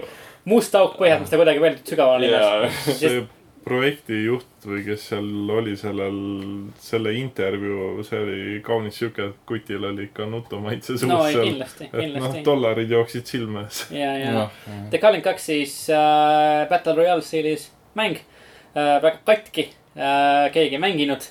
ja nüüd korjati ta ära siis nii Steamist kui hakatakse korjama ära siis ka füüsilisi koopiaid poodidest. et äh, igatpidi täiesti totaalne läbikukkumine. kas Ragnar, kas sa rääkisid, sa mängisid seda mängu või? Sten rääkis. Sten rääkis, sa mängisid seda mängu? mina, mina kindlasti kas mitte. sai seda mängida nagu? tema vist rääkis ikkagi esimesest osast. et äh, Sten, kui sa meid kuulad, ükskõik kus sa ka ei pruugiks olla oma seiklustes. Mängib kodus Fortnite'i raudselt süksid. Stenil oli väga palju tegemist ja saanud meiega liituda. ta mängib Forti kodus. tegelikult me ei tea seda, võib-olla, aga, aga kirjuta meile kommentaaridesse, kuidas The Culling kaks äh, oli. räägi muljetest. ma vaatasin selle kohta äh, review'i ja review oli see, kus ta istus lobis üksi kahekesti. Ja seda teist inimest ta kunagi üles ei leidnudki, sest ta ei olnud ta vaatas tiimis mitu inimest seda mängib ja siis seal oli üks. üks kui ta läks sisse, siis tal on koos oli kaks ja ta ei saanudki kunagi mängu. siis peab olema kakskümmend inimest vähemalt alustada mängu. seal See oli nagu oleks kurb. see oli kurb. kas see on viimase aja üks kõige siukseid haledamaid äh, läbipõrumisi mängumaastikul? kas seda saab öelda, et see oli hullem läbi äh, põrumine kui No Man's Sky või? no No Man's Sky tegelikult, tegelikult see on minu arust päris huvitav point- mille siin tuua, sest No Man's Sky ei ole läbi, läbipõrunud mäng. ta, te- te- ta läheb alles ägedaks. nüüd ta pidi hea olema, kui jällegi. aga point ongi selles, et No Man's Sky ei olnud ka varem läbipõrunud mäng, ta lihtsalt ei olnud nagu päris see, mida inimesed eeldasid Mm. mm.. mis minu arust on alati olnud veider, kuna mängu tegijad kunagi ei lubanud, et see mäng tuleb välja sellisena, nagu inimesed Lubasid ju. ei lubanud. kui nad lasevad treileri välja nagu this is the gameplay ja siis see on täiesti teistsugune, siis see on ikkagi lubamine. see ei olnud ju teistsugune. ei olnud, see oli täpselt sama. see on see, mida nad lubasid, inimesed lihtsalt eeldasid väga palju asju. Need eeldused tegelikult põhinesid väga palju ikkagi Sean Murray mängu põhiarendajatel Ja, ja. väidetel, kus ta Just. olid konkreetsed intervjuud, kus ta ütles konkreetseid asju. et need konkreetsed asjad on mängus, mis tuleb sel kuu peal välja, aga neid seal ei olnud. Ja Just, alles jah. nüüd, kui Next versioon tuleb siis välja, on olemas seal. et see on hiljuti äh,, äh, kas äkki Eurogeimer tegi Sean Murray'ga väga hea intervjuu, kus äh, Sean Murray ütles, et ta on oma vigadest õppinud, et ta kunagi enam ei, ei räägi mängust nii vara, kui ta rääkis No Man's Skyst. et ta kunagi ei räägi oma mängudest nii nii-öelda entusiastlikult, kui ta rääkis No Man's Skyst, et, et on asju, mida nad ei saa ära teha ilmselgelt mm. no, programmeerimist lubanud, neil pole inimjõudu, nad tegid No Man's Sky kuue inimesega. et, et, et aga nüüd temast on jah saanud äh, väga teistsugune mäng, nagu ma olen aru saanud. ja, ja, et see multiplayer osa võib päris lahe olema, teiste inimesega koos, ma peaks Üt- ta ära installima. ütleme niimoodi, et äh, kui see mäng välja tuli, launch'i päeval ma sa-, veidi mängisin seda. ja no ütleme niimoodi, et see mäng ei olnud nagu. noh, see, mis lubati, see selleks mm, Mhm. -hmm. aga pigem oli see nagu performance issue'd olid seal mm Mhm. -hmm. nii rämedad. Et äh, see peletas mind sellest mängust eemale, et mm. -hmm. kõiki PS4 peal sul jookseb ta kakskümmend kaadrit sekundis, et sa ei taha väga nagu seda kaadri, Mm. kaadri. ei no samad probleemid olid arvuti peal ka jah no arvuti peal. oli üldse see, et sul pidi olema kindla generatsiooni Jah. protsessor kus ta töötas. aga miks ma üldse nagu hüppasin kohe No Man's Sky Nortsi väidete valguses kaitsma, oli see, et, et Sean Murray oma selles intervjuus, mida ma mainisin äh,, väitis, et, et äh, Playstationi või noh, siis Sony andmetel No Man's Sky on läbivalt kogu aeg näidanud äh, võrreldes teiste mängudega kas keskmiseid või keskmiselt kõrgemaid mängijanumbreid nagu alati, kogu, kogu aeg mm.. Uh, ning uuenduste raames on No Man's Sky siis mängijate numbrid Steamis hüpanud alati üle miljoni, mis on päris suur arv. et lihtsalt nagu see, see on mäng nagu, millel on tekkinud selline halb kuulsus, ma ütleks, aga tegelikult seda mängu mängib üllatavalt palju inimesi. jaa, Aga rohkem kui äh,, rohkem kui seda Lawbreakersit. ja ei, kindlasti, mängis äh, kuusteist, kuusteist minutit tagasi kolmkümmend kolm inimest ja viimase kahekümne nelja tunni tipp oli nelikümmend, nelikümmend üheksa. see on üllatavalt suur arv, ma ütleks. võrreldes Calling kahega, Kallid mida kahe. enam ei saagi mängida. jah, mida enam ei saa mängida. aga see on huvitav asi, ma kontrollin igasuguseid palju No Man's Sky on. ja, jah, nojah, see on hea, see on huvitav, huvitav teada. et ma arvan päris palju, et nad on viimasel ajal päris palju pressi saanud. et no nii, Steamis mängis kakskümmend neli minutit tagasi üle nelja tuhande inimese No ja kahekümne nelja tunni piik neli tuhat viissada üheksakümmend üheksa. no vot, enne Next'i on siuke madal moment, ma arvan, see aga on päris, päris korralik. jah, ma tõesti installinud ära ja mängin rohkem kui kolm tundi, mis Aga ma mitte praegu olen mänginud. mitte veel jah, kui Next tuleb välja. jah, millal see tuleb välja? Vist. Next äh, mis on pea? õige pea, ma arvan jah, kohe vaatame. Et äh, väga kaua aega ei tohiks. vähemalt nad teevad selle Nextile korraliku reklaami ikkagi praegu, see Eurogameri intervjuud ja treilerid tulevad välja, arendajad räägivad sellest. no ütleme niimoodi, et äh, treiler oli küll selline, et no kurat, läheks isegi mängima vaata. sõpradega koos käigi mingit planeeti ringi, kus käivad siuke peenisekujudega ku- kujulised äh, äh, olendid ringi ja siis miks mitte. sest omal ajal, kui see mäng välja tuli, enamus inimeste probleem oligi see, et teil on nagu isegenereeruv mootor, miks te enamus kohas näeb välja nagu peenised? kui te kuulate podcast'i, on Next juba väljas. et Ah. ah. saate, saate ta juba alla tellida ja täitsa, noh, mitte alla tellida, vaid uuendusena tuleb ta teile automaatselt tõenäoliselt äh, mängule juurde ja täitsa olemas. automaatselt jah, ma ootan seda hetke, ma panen Steam'i tööle ja mul tuleb teade, et nelikümmend giga update'i hetkel ei ole olemas äh, podcast'i äh,, kui, kui tuleb lindistus välja, on ta olemas äh,. Tegelikult võib-olla juba hetkel äh, väljas kuupäev on kakskümmend neli ja me äh, lindistame seda kuupäeval kakskümmend neli. kas ta tuleb äh, sellel ajal vist Xbox'ile ka lõpuks, välja? just jah, Xbox'il täna panin oma Xbox'i konsooli tööle ja No Man's Sky oli juba täitsa olemas seal. aa, okei. siis, siis võiks isegi mõelda, et äh, saaks One X-i peal ka mängida Jah, seda sest just. 4K patch vist pidi talle. pidi tulema, olen kuulnud küll jah, jah, just, just uh,. Next on äh, kaks korda suurem kui algupärase mängu suurus. ja, ja, ja nagu väga suur ikka väga, väga, väga suur. algupärane mäng oli ka vist mingi Oma- nelikümmend, viiskümmend giga. omajagu suur jah Jah., korralik mingi sada, sada giga peab ikka varuma endale enam-vähem noh. aga seal on juba ainuüksi see kogu maailm on väga suur. jah, täpselt, just, just, just. noh, lõputu enam-vähem nagu mm, -hmm. nagu neile meeldib öelda. oota, aga üks art- artikkel väidab, et selle suurus on äh, kümme giga. ei usu Mm. huvitav. Algupärane mäng oli siis nii väike või? ei. vahepeal on See tulnud ju Atlas 50 giga Rises äh, Pathfinder Foundation juurde. nüüd ta on oluliselt suurem. võib-olla kõige algsem mäng oli jah. ei olnud, ma mäletan seda pilti, kus Devil hoidsid käes äh, mingit nelja või kolme Blu-ray diski. okay.. et äh, siia nende kõikide peale mahtus ära see Mm. mäng, et Just, just. äh, oli küll jah, väga suur mäng oli. jah, et oli väga pirakas. siis see on natuke veider, miks artikli pealkiri, et topeltsuurus, update'i suurus on kümme giga. ei tea, ei oska öelda, aga halb artikkel. ärme usu internetti, usume seda, mis me lõpuks näeme. Twitteris president kirjutab nii.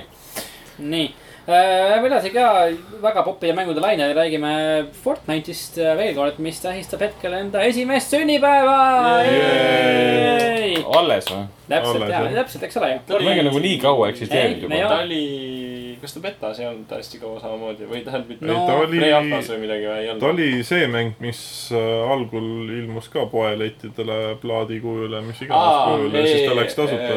Just. Bat-, Battle Royale sai üheaastaseks. Aa, õigus, Save the World oli ju vanem. Save the World jah, see, mida, millest keegi enam ei räägi lihtsalt. ei, seal kogu aeg tuleb uuendusi ja update'e. selge. pidi olema väga hea mäng, sest ma tean, Margus mängib seda, see pidi olema üsnagi hea, no okei okay, ja päris paljud inimesed ikka mängivad. see ükskord, kui ma Fortnite'i mängisin, siis ma kogemata panin, panin selle teise lahtri tööle. see oli tööle. Save the World'i. ja siis alguses oli mingi, mingi tüüp, kes tulistas mingit zombilaadset olendit, siis ma panin muidugi Force Quit'i hästi kiiresti, aga tundus muidu tõus.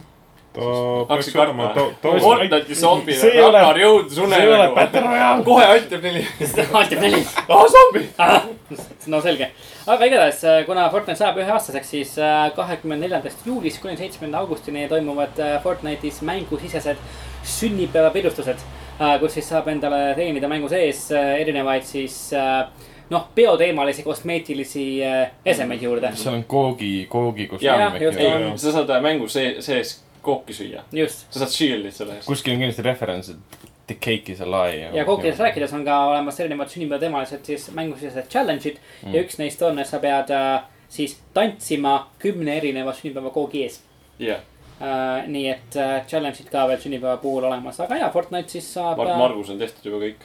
jaa, muidugi, muidugi, muidugi, podcast'i välja, see väljatulek ajaks raudselt. Muidugi on, muidugi on, Margus on olemas, kaks korda ta teinud kõik. ta on juba praegu. no viimases striimis ta väitis ka, et ta tegi peaaegu kõik challenge'id ära seal.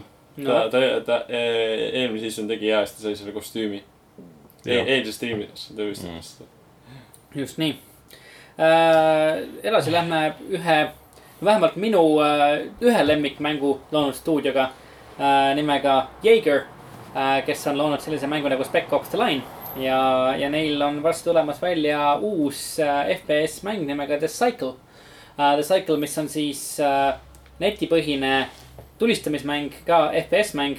noh, või FPS mäng, kuna siis uh, um, Spec Ops ei olnud FPS mäng, nii et mm. -hmm. The Cycle on FPS mäng kahekümnele inimesele, matš kestab kakskümmend minutit äh, ja toimub siis nii-öelda futuristlikul planeedil, kus kahekümne minuti jooksul mängijad peavad siis täitma erinevaid missioone. jah. see mängu nimi oleks geniaalne nimi, mingi rattasõitmissimulaator mängule. Disciple. Pitch'i seda kellelegi, kes teevad see on üsna veider valik nende poolt, ma nagu lootsin mingit sisupõhist mängu jälle, samas ma ei tea, aga. kas nagu, kas äh, Spec Ops, ma ei usu, et Spec Ops oli nii äh,. ei, ma mõtlen, ma mõtlen nagu selle järgi. absoluutselt, ei, mitte. järgi, aga ma ütlesin, et Spec Ops oli nii edukas, et, et Jaeger saaks lubada endale samalaadse mängu tegemist. jah, seda küll, sest ega see stuudio ju äh, pärast Spec Opsi tegi selle Dreadnoughti, ma isegi ei tea, kas see on välja tulnud, Jaa. ma mängisin betat. ma ei tea, mängisin seda Gamescomil kaks aastat tagasi, ma pole Jah. sellest pärast midagi kuulnud. ta oli üsna okei okay., sõidad Jah. kosmoselaevadega maa orbiidil ringi ja tulistad teisi kosmoselaevu. just, ja siis nad üritasid teha Dead Island kahte, mis vahetati stuudios ära just, ja see on siis nende järgmine korralik mäng. aga see, et ta on nagu põhimõtteliselt veits Battle Royale stiilis mäng, mm. -hmm. kus inimesed on ühel planeedil seltskonnaga koos, nad ei ole mitte palgamõrvarid, vaid ähm, mingisugused palgasõdurid ja. palgasõdurid jah, kes otsivad mingeid kindlaid asju tagasi Just. põhimõtteliselt. et no Jaeger üldse kirjeldab seda mängu kui äh, PvPVE ehk siis mängija, mängijate ja, ja siis arvuti vastu, et mm. -hmm. mängijad võitlevad oma vastu ja seal on mingid kollid veel siis, kes võitlevad kõigi mängijate vastu. tulnukad, tulnukorganismid nii-öelda. keda kontrollib siis arvuti, jah, et äh, kõlab sarnaselt natukene sinu poolt varem mainitud Ragnar selle äh, Fear the Wolvesiga, kus on ka siis Battle. Royale mängijad oma vastu ja seal on mingid muteerunud elukad, kes no see on põhimõtteliselt Stalker Jaa, äh, just, just. Battle Royale'is mm. -hmm. Stalker koos va- vastu, teiste inimeste vastu põhimõtteliselt jah. jah, just jah, aga selle alfa või beeta pidi ka ühel hetkel algama, vist oli au- augustis, kui ma ei eksi Äh, ja üsna pea oli jah, augustis oli vist tõesti jah, üsna pea, tõesti mm..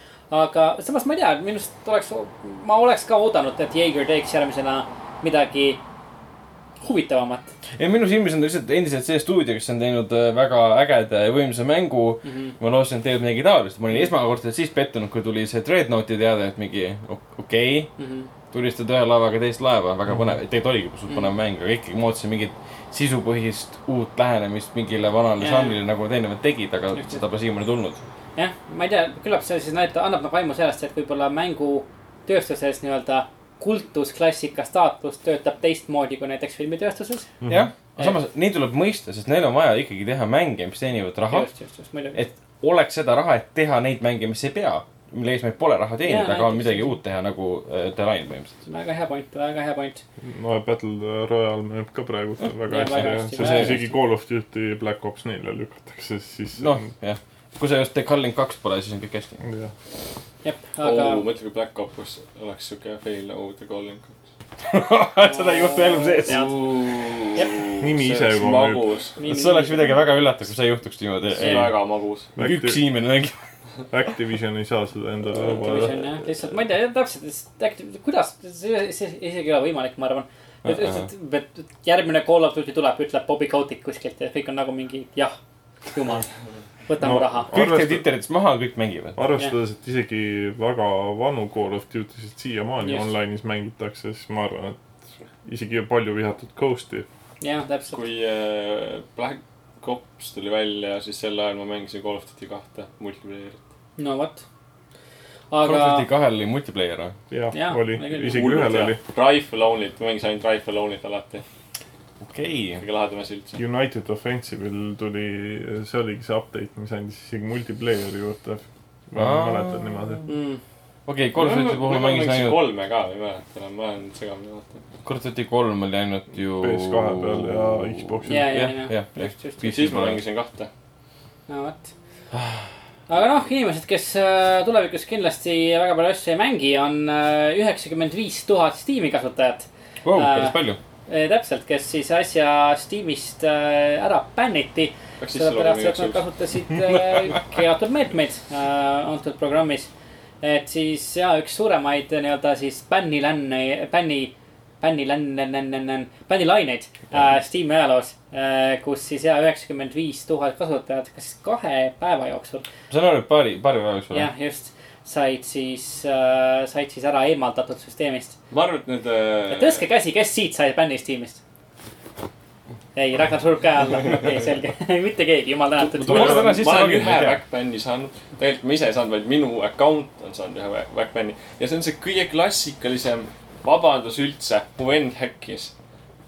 aga see nagu, mu I koer sai mu swear parooli ära to. god, see nagu vastab tõele, sest nagu ma ei ole nii idioot, et ma lähen CS-GO-sse ja tõmban endale häkki ja hakkan seal mängima, sest nagu ma tean, et back asi on olemas ja see on väga kergeks ma sain omal ajal, sain ühe korra backbänni see oli selle eest, et ma mängisin Counter Strike üks punkt kuute äh, võib-olla siis liiga hästi, Mhm, mhm. et äh, ma tegin päris äh, muljetavaldavaid skoore seal ja siis tuli üks hetk, et sorry bro, sa ei saa enam mängida. Mm, kusjuures see tuletab meelde ühte teist äh, ka äh, päevakajast uudist, kus meil oli ju äsja toimumas üks Fortnite'i suur turniir, kus esikoha ja saja kolmekümne tuhande dollarise auhinna võitis üks tundmatu mängija ja pärast seda, kuna ta oli tundmatu, süüdistati teda Reddit- Redditis väga aktiivselt soovi tegemises ja siis pärast seda Epic ähm, sai ikkagi aru, et äh, tegemist ei olnud sohiga, et, et noh, jah, see on jällegi, kui sa, kui sa oled ootamatult hea, siis inimesed ei ole sellega alati nõus, jah, just. et, et nii on ja, aga üheksakümmend viis tuhat on ikka päris, päris, päris pagana suur arv. ma arvan, et nad minnid olid puhkusel ja siis nad. jah, tulid tagasi, vaatasid, mis nüüd toimub Vau, Banhammer, Ben Hammer, jah. samas arvestades Steam'i kasutajate arvu, see on see nagu see on nii see on nii, jah. ja, ja seda küll. cleansing, noh. ilmselt enam, enamus on kuskilt Hiinast või kuskilt sealt Aasia riikidest. no võib-olla, võib-olla. ma Kunagi ei võid- see kõlab nagu räigelt nagu siin. jaa, aga kahju, kahjuks on kurb tõsiasi see, et enamus neid tuleb sealt kandist. häkkerid ka, kahjuks küll, jah. Steam'i enamus tulusid tuleb ainult Hiinast niikuinii ja, just, just, just. on nagu fakt, ma arvan. nojah, ja samas ka Fortnite'i äh, üks äh, omanikest, osanikest on ju ka Tencent. Mm. üks Hiina suuremaid telekommunikatsiooni äh, konglomeraate äh, firmasid Mm.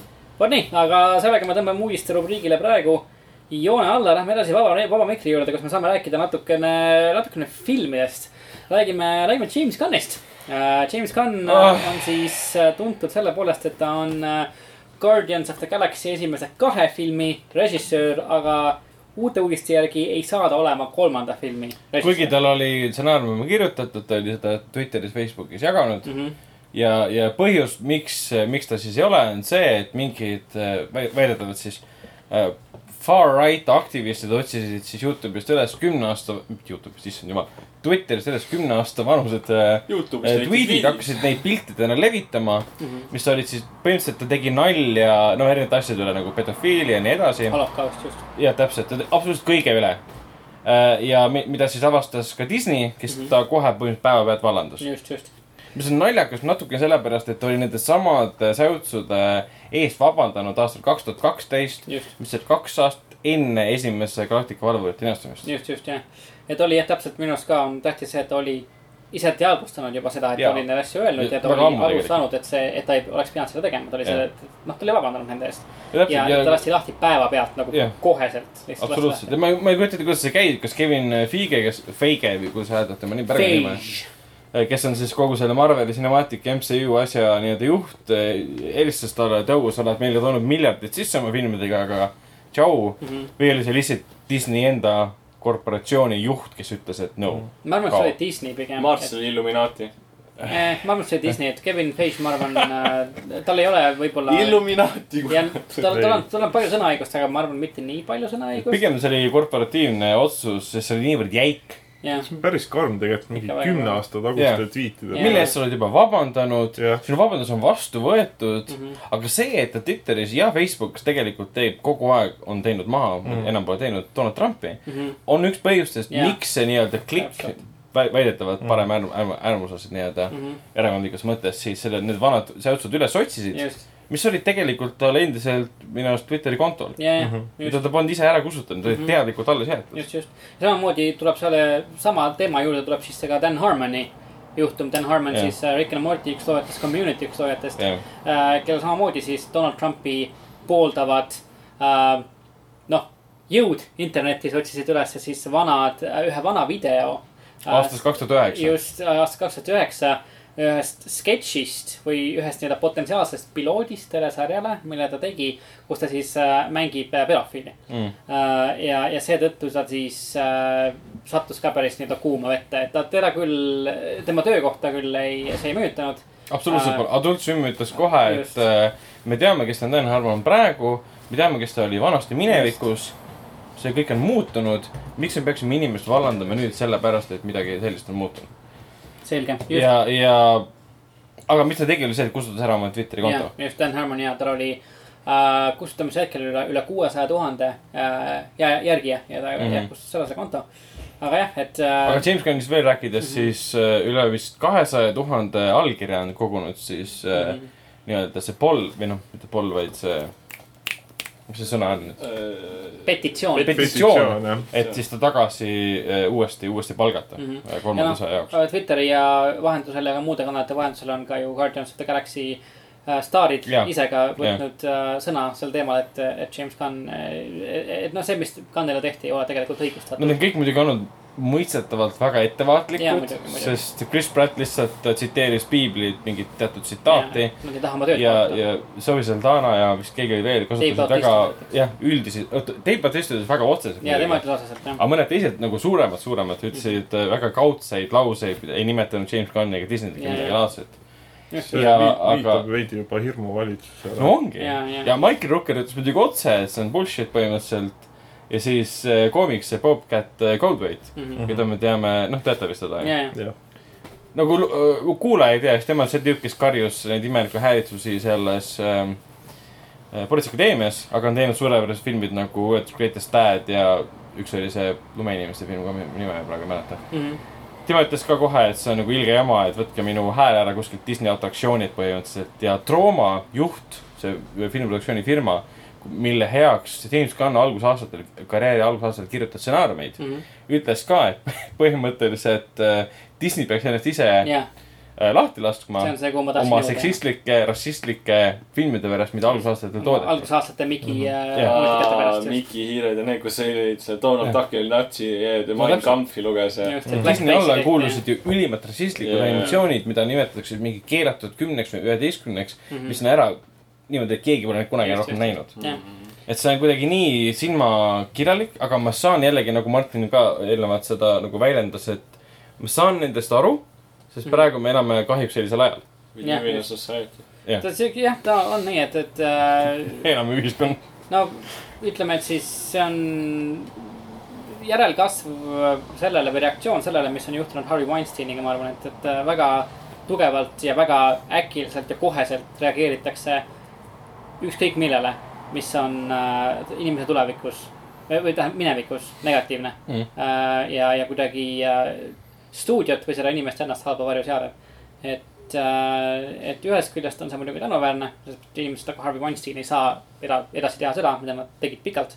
aga James Gunni puhul noh, ma arvan, et võib-olla, võib-olla mindi, mindi liiale. ja, ja inimeste nagu, noh, ma te- tegin selle vea ära, ma lugesin Facebooki kommentaare. Mm, jah, see pole kunagi. Inglisekeelses keskkonnas pole mõtet lugeda kunagi ühte kommentaari, see võtab liiga palju aega ja ajurakke. inimesed ütlevadki, et see on väga õige, et ta vallandati, sest ta on ilmselgelt pedofiil. mm. -hmm. Sorry, aga kas me elame nüüd maailmas, kui ma teen nalja pedofiilia üle, siis teeb minust pedofiili või? jep, jah, tundub nii, tundub nii. in a Society, noh. Dan Harmon on nagu koomik, ta on komöödiameister. Ta on kogu elu teinud ainult siukseid eh, nagu piiri peal, noh, mis piiri peal, üle piiri käivaid nalju, sketše. kas siis see on nüüd üle piiri või? tundub, et on jah. Rick ja Morty iga episood on on üle keelatud. piiri Mm. Rick ja Morty see esimene, see prototüüp eh, avaosa on üle ikka väga piiri. üle piiri jah, just. tema muud asjad on üle piiri absoluutselt olnud, aga varsti tulevad seadused, mis keelavad sulle teatud sõnu mitte öelda ja kui sa ütled, see on huvitav, et sa seda mainid. sõnu, mida seadus sätestab. jah, sest eh, internetis väga kuulus eh, psühho- eh,, mitte psühholoog, aga see õppejõud, õppejõud, õppejõud Jordan Peterson. kindlasti teate seda nime, ei tea, ei tea või? ta on see Tor- Toronto ülikooli õppejõud, kes sattus kuuma vette tänu sellele, et kui, kui Toronto, Kanadas taheti va- vastu võtta seadused, mis sätestasid, kas see oli see it teema või, kui on he, he or she jah. siis sa pead ütlema, oli it vist jah, jah, see oli see, et taheti vastu võtta seadus, mis sätestab, mis sõnu sa tohid teatud inimeste suhtes kasutada. ja tema oli selle põhimõtteliselt selle vastu, sest ütles, et see on diktatuur. ükski eh, riik pole vähemalt vabas maailmas kunagi seda teinud mm. -hmm. see muidugi keerati ümber niimoodi, et sa vihkad eh, homoseksuaale, sa vihkad mm. -hmm. transsoolisi ja nii edasi, mida ta pole kunagi teinud. Aga lihtsalt ta ei taha, et riik ütleb sulle, mis sõnu sa tohid või ei tohi kasutada. see, mulle tundub, et see nagu on äh, USA tulevik varsti kuidagi mingil määral. sest äh, just kõige rohkem on seda teemat minu arust just sealpool. et no õnneks Euroopas ei ole nii suur äh, minu arv-, minu, mulle tundub vähemalt, et see ei ole nii suur dilemma veel Mm. selline noh, kõik, kõik tunnevad hästi-hästi puudutatud ennast, see ei ole õnneks veel nii suur, aga ilmselt varsti on, aga USA-s on see nagu jumala käest ära, sa ei või nagu põhimõtteliselt mitte midagi, sa saad igalt poolt siukse peapesu lihtsalt ja siis nagu ei no see probleem on muidugi palju sügavam ja keerulisem, kui me jõuame siin nagu läbi arutada, aga lihtsalt mm. natuke mulle tundub, et inimesed panevad liiga palju asju äh, oluliste teemadega ühte patta. Mhm. selle koha pealt, et see, mis Winston tegi, on tõsine asi. see on tõsine probleem, temasugused ka on tõsine probleem. Aga kui sa hakkad panema James Gunni sõnavõtte kunagi, mis ta tegi oma paroodia blogis või, või Twitteris samasse patta, siis me, meil kaob eesmärk juba ära tegelikult. jaa, aga samas ma saan sellest aru ka ja ma olen enamasti nõus sinuga, aga samas selle probleemi tuum. minu arust nagu see on, see on Hollywood on nagu madu, mis sööb iseenda saba. selles suhtes, et, et, et kui pikalt oleme me vaadanud filme kangelastest, kellel on, kes, kes seisavad mingisuguse nii-öelda üle pea käiva ohu tõttu ikkagi jäävad endale kindlaks, kes on mm. kogu aeg, seisavad enda eest, kes vast-, on, on ükskõik, mis maailm neile ütleb, ükskõik, mis nende ümber toimub, on ikkagi endale jäävad kindlaks ja lõpuks neil on õigus, nad võidavad mingi, ma ei tea, süsteemi ees. et, et Hollywood ise on inimestele õpetanud ja popkultuur on tugev õpetaja, ta, ta mõjutab tugevalt inimeste arusaama maailmast. et Hollywood ise on õpetanud inimestele seda, et, et kui sa midagi arvad, kui sul on mingi mõte, siis kui sa jääd sellele kindlaks, siis sul on õigus jah, noh, et, et äh, ja ma arvan, et vähemalt osaliselt saab seda mentaliteeti, mis on praegu tekkinud ja mis on saanud prevalentseks äh,, põhjendada sellega, mida Hollywood on nii-öelda inimestele aastakümneid sisestanud mm. Mhm. ei no see on see, et see, et äh, madu sööb omaenda saba on noh. Hollywoodis on toimumas äh, Rag- Ragnarök nii-öelda -hmm. ja puhastus, puhastustuli. Ja see, et mida Hollywood on sisendanud, ma alati tuletan meelde seda, et kui inimesed jagavad Facebookis neid inspireerivaid slogan'id ja lauseid mm, -hmm. Mm -hmm. et sa võid leida endas selle tugevuse, et teha mingeid asju bla,, blablabla Mm -hmm. siis jah, sedasama pilti võid vaadata sarimõrvari koolitulistaja mõtleb, et jah, ma leian sellest tugevuse endas, ma lähen kooli tulistama. aga nii ongi. et see ei ole ainult ühemõtteline. jah, ma lähen võtan papsi relva kõik oleneb nagu väärtustest, mida sa ise, ise väärtustad. nojah, aga inimesed ju ise otsustavad, mida nad mõistavad selle sinu inspireeriva äh, sõna või lause kaudu. just, just, just uh,. liigudes kodumaale lähemale, siis äh, saame rääkida ka tuntud äh, tšakrate avajast ja, ja naiste ahistajast Igor Mangist uh,. kes siis uh, mõned nädalad tagasi, noh, ütleme, jäi vahele selle pealt, avas tšakraid natuke liiga intiimselt. mõned nädalad. Aga on see ikkagi Mitu kuud reaalselt on? tõesti, mitu kuud on see See- aa, no ku, kuid juba möödas. ja, ja, just küll. jaa, okei, ütleme mõnda aega tagasi siis. Uh, jäi, jäi üüratud rahv talle pandi. jäi vahele sellega, et ta avas tšakraid jah, võib-olla natuke liiga intiimselt äh,. isegi, et seksuaalselt ahistavalt, kui, kui äh, noh, paremate väljendite vältimisel, sest miks, miks peaks neid aga vältima. äkki, äkki, ja äkki Igor nagu Mank sai siis omale trahviks äh, tegude eest üheksakümmend kuus eurot. jah, kui sa vastupidi kirjutad, on see sixty nine. aga see pole vastupidi kirjutatud, õnneks, sest et saaks veel vähem. aga, aga üheksakümmend kuus eurot äh, on siis äh, hind, mis on pandud äh, Jama. inimeste nii-öelda siis emotsionaalsele aga armistamisele. võib-olla on see riigilõiv, mida ta peab maksma. ja, võib, ja täpselt, just, äh, menetluskulud. menetluskulud just. just pluss, pluss kõmm. Aga mida see siis näitab, et see näitab lihtsalt meie, meie taoliste olukordade, taoliste süüdistuste kohta käivate seaduste. Ei,, ma arvan, et see kohtunik oli nagu, kurat, ma ei taha nagu karmaga nagu paha, paha poole peale sattuda, sest mm, Igor paneb pärast veel mingi, noh, mingi loitsuga veel peale mulle, vaata nõidlusest. See on üldse siuke- üheksakümmend kuus, noh. sihuke kurioosne lugu on see, et On küll. reaalselt vist oli üks süüdistus selle kohta.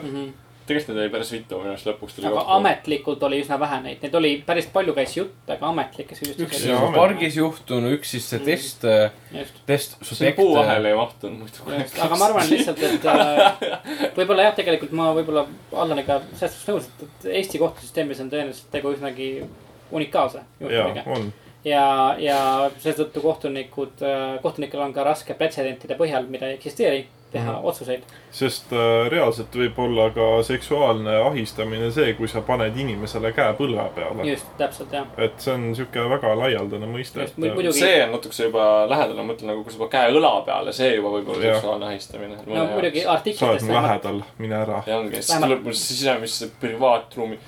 no vähemalt meediaartiklitest tuli välja palju rohkem mangi puhul mm., kui, kui käsi põlve peale panemine ja see oli ikka, oli, oli ikka palju koloriitsemaid asju, mis, mis juhtusid.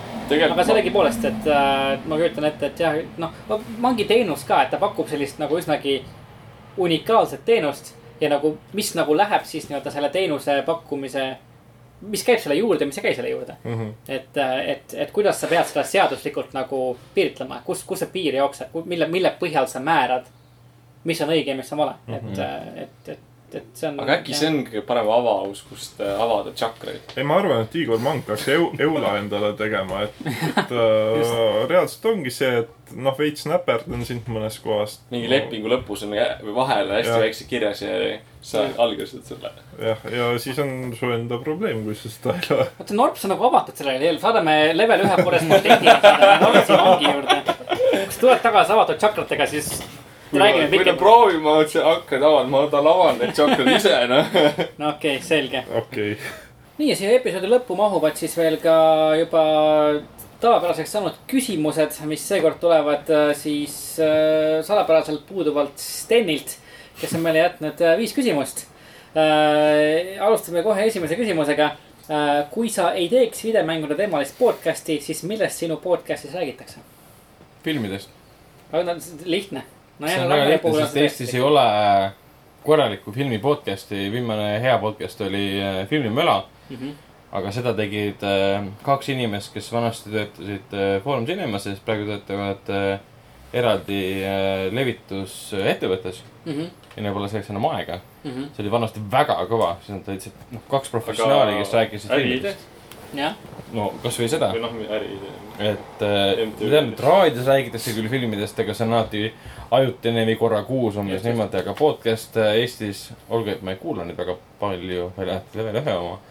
ja, ja puhata ja mängida, aga. Osaled neis. Toto, okei, Toki, okei, toki. jaa, ei ole veel kordagi kuulanud.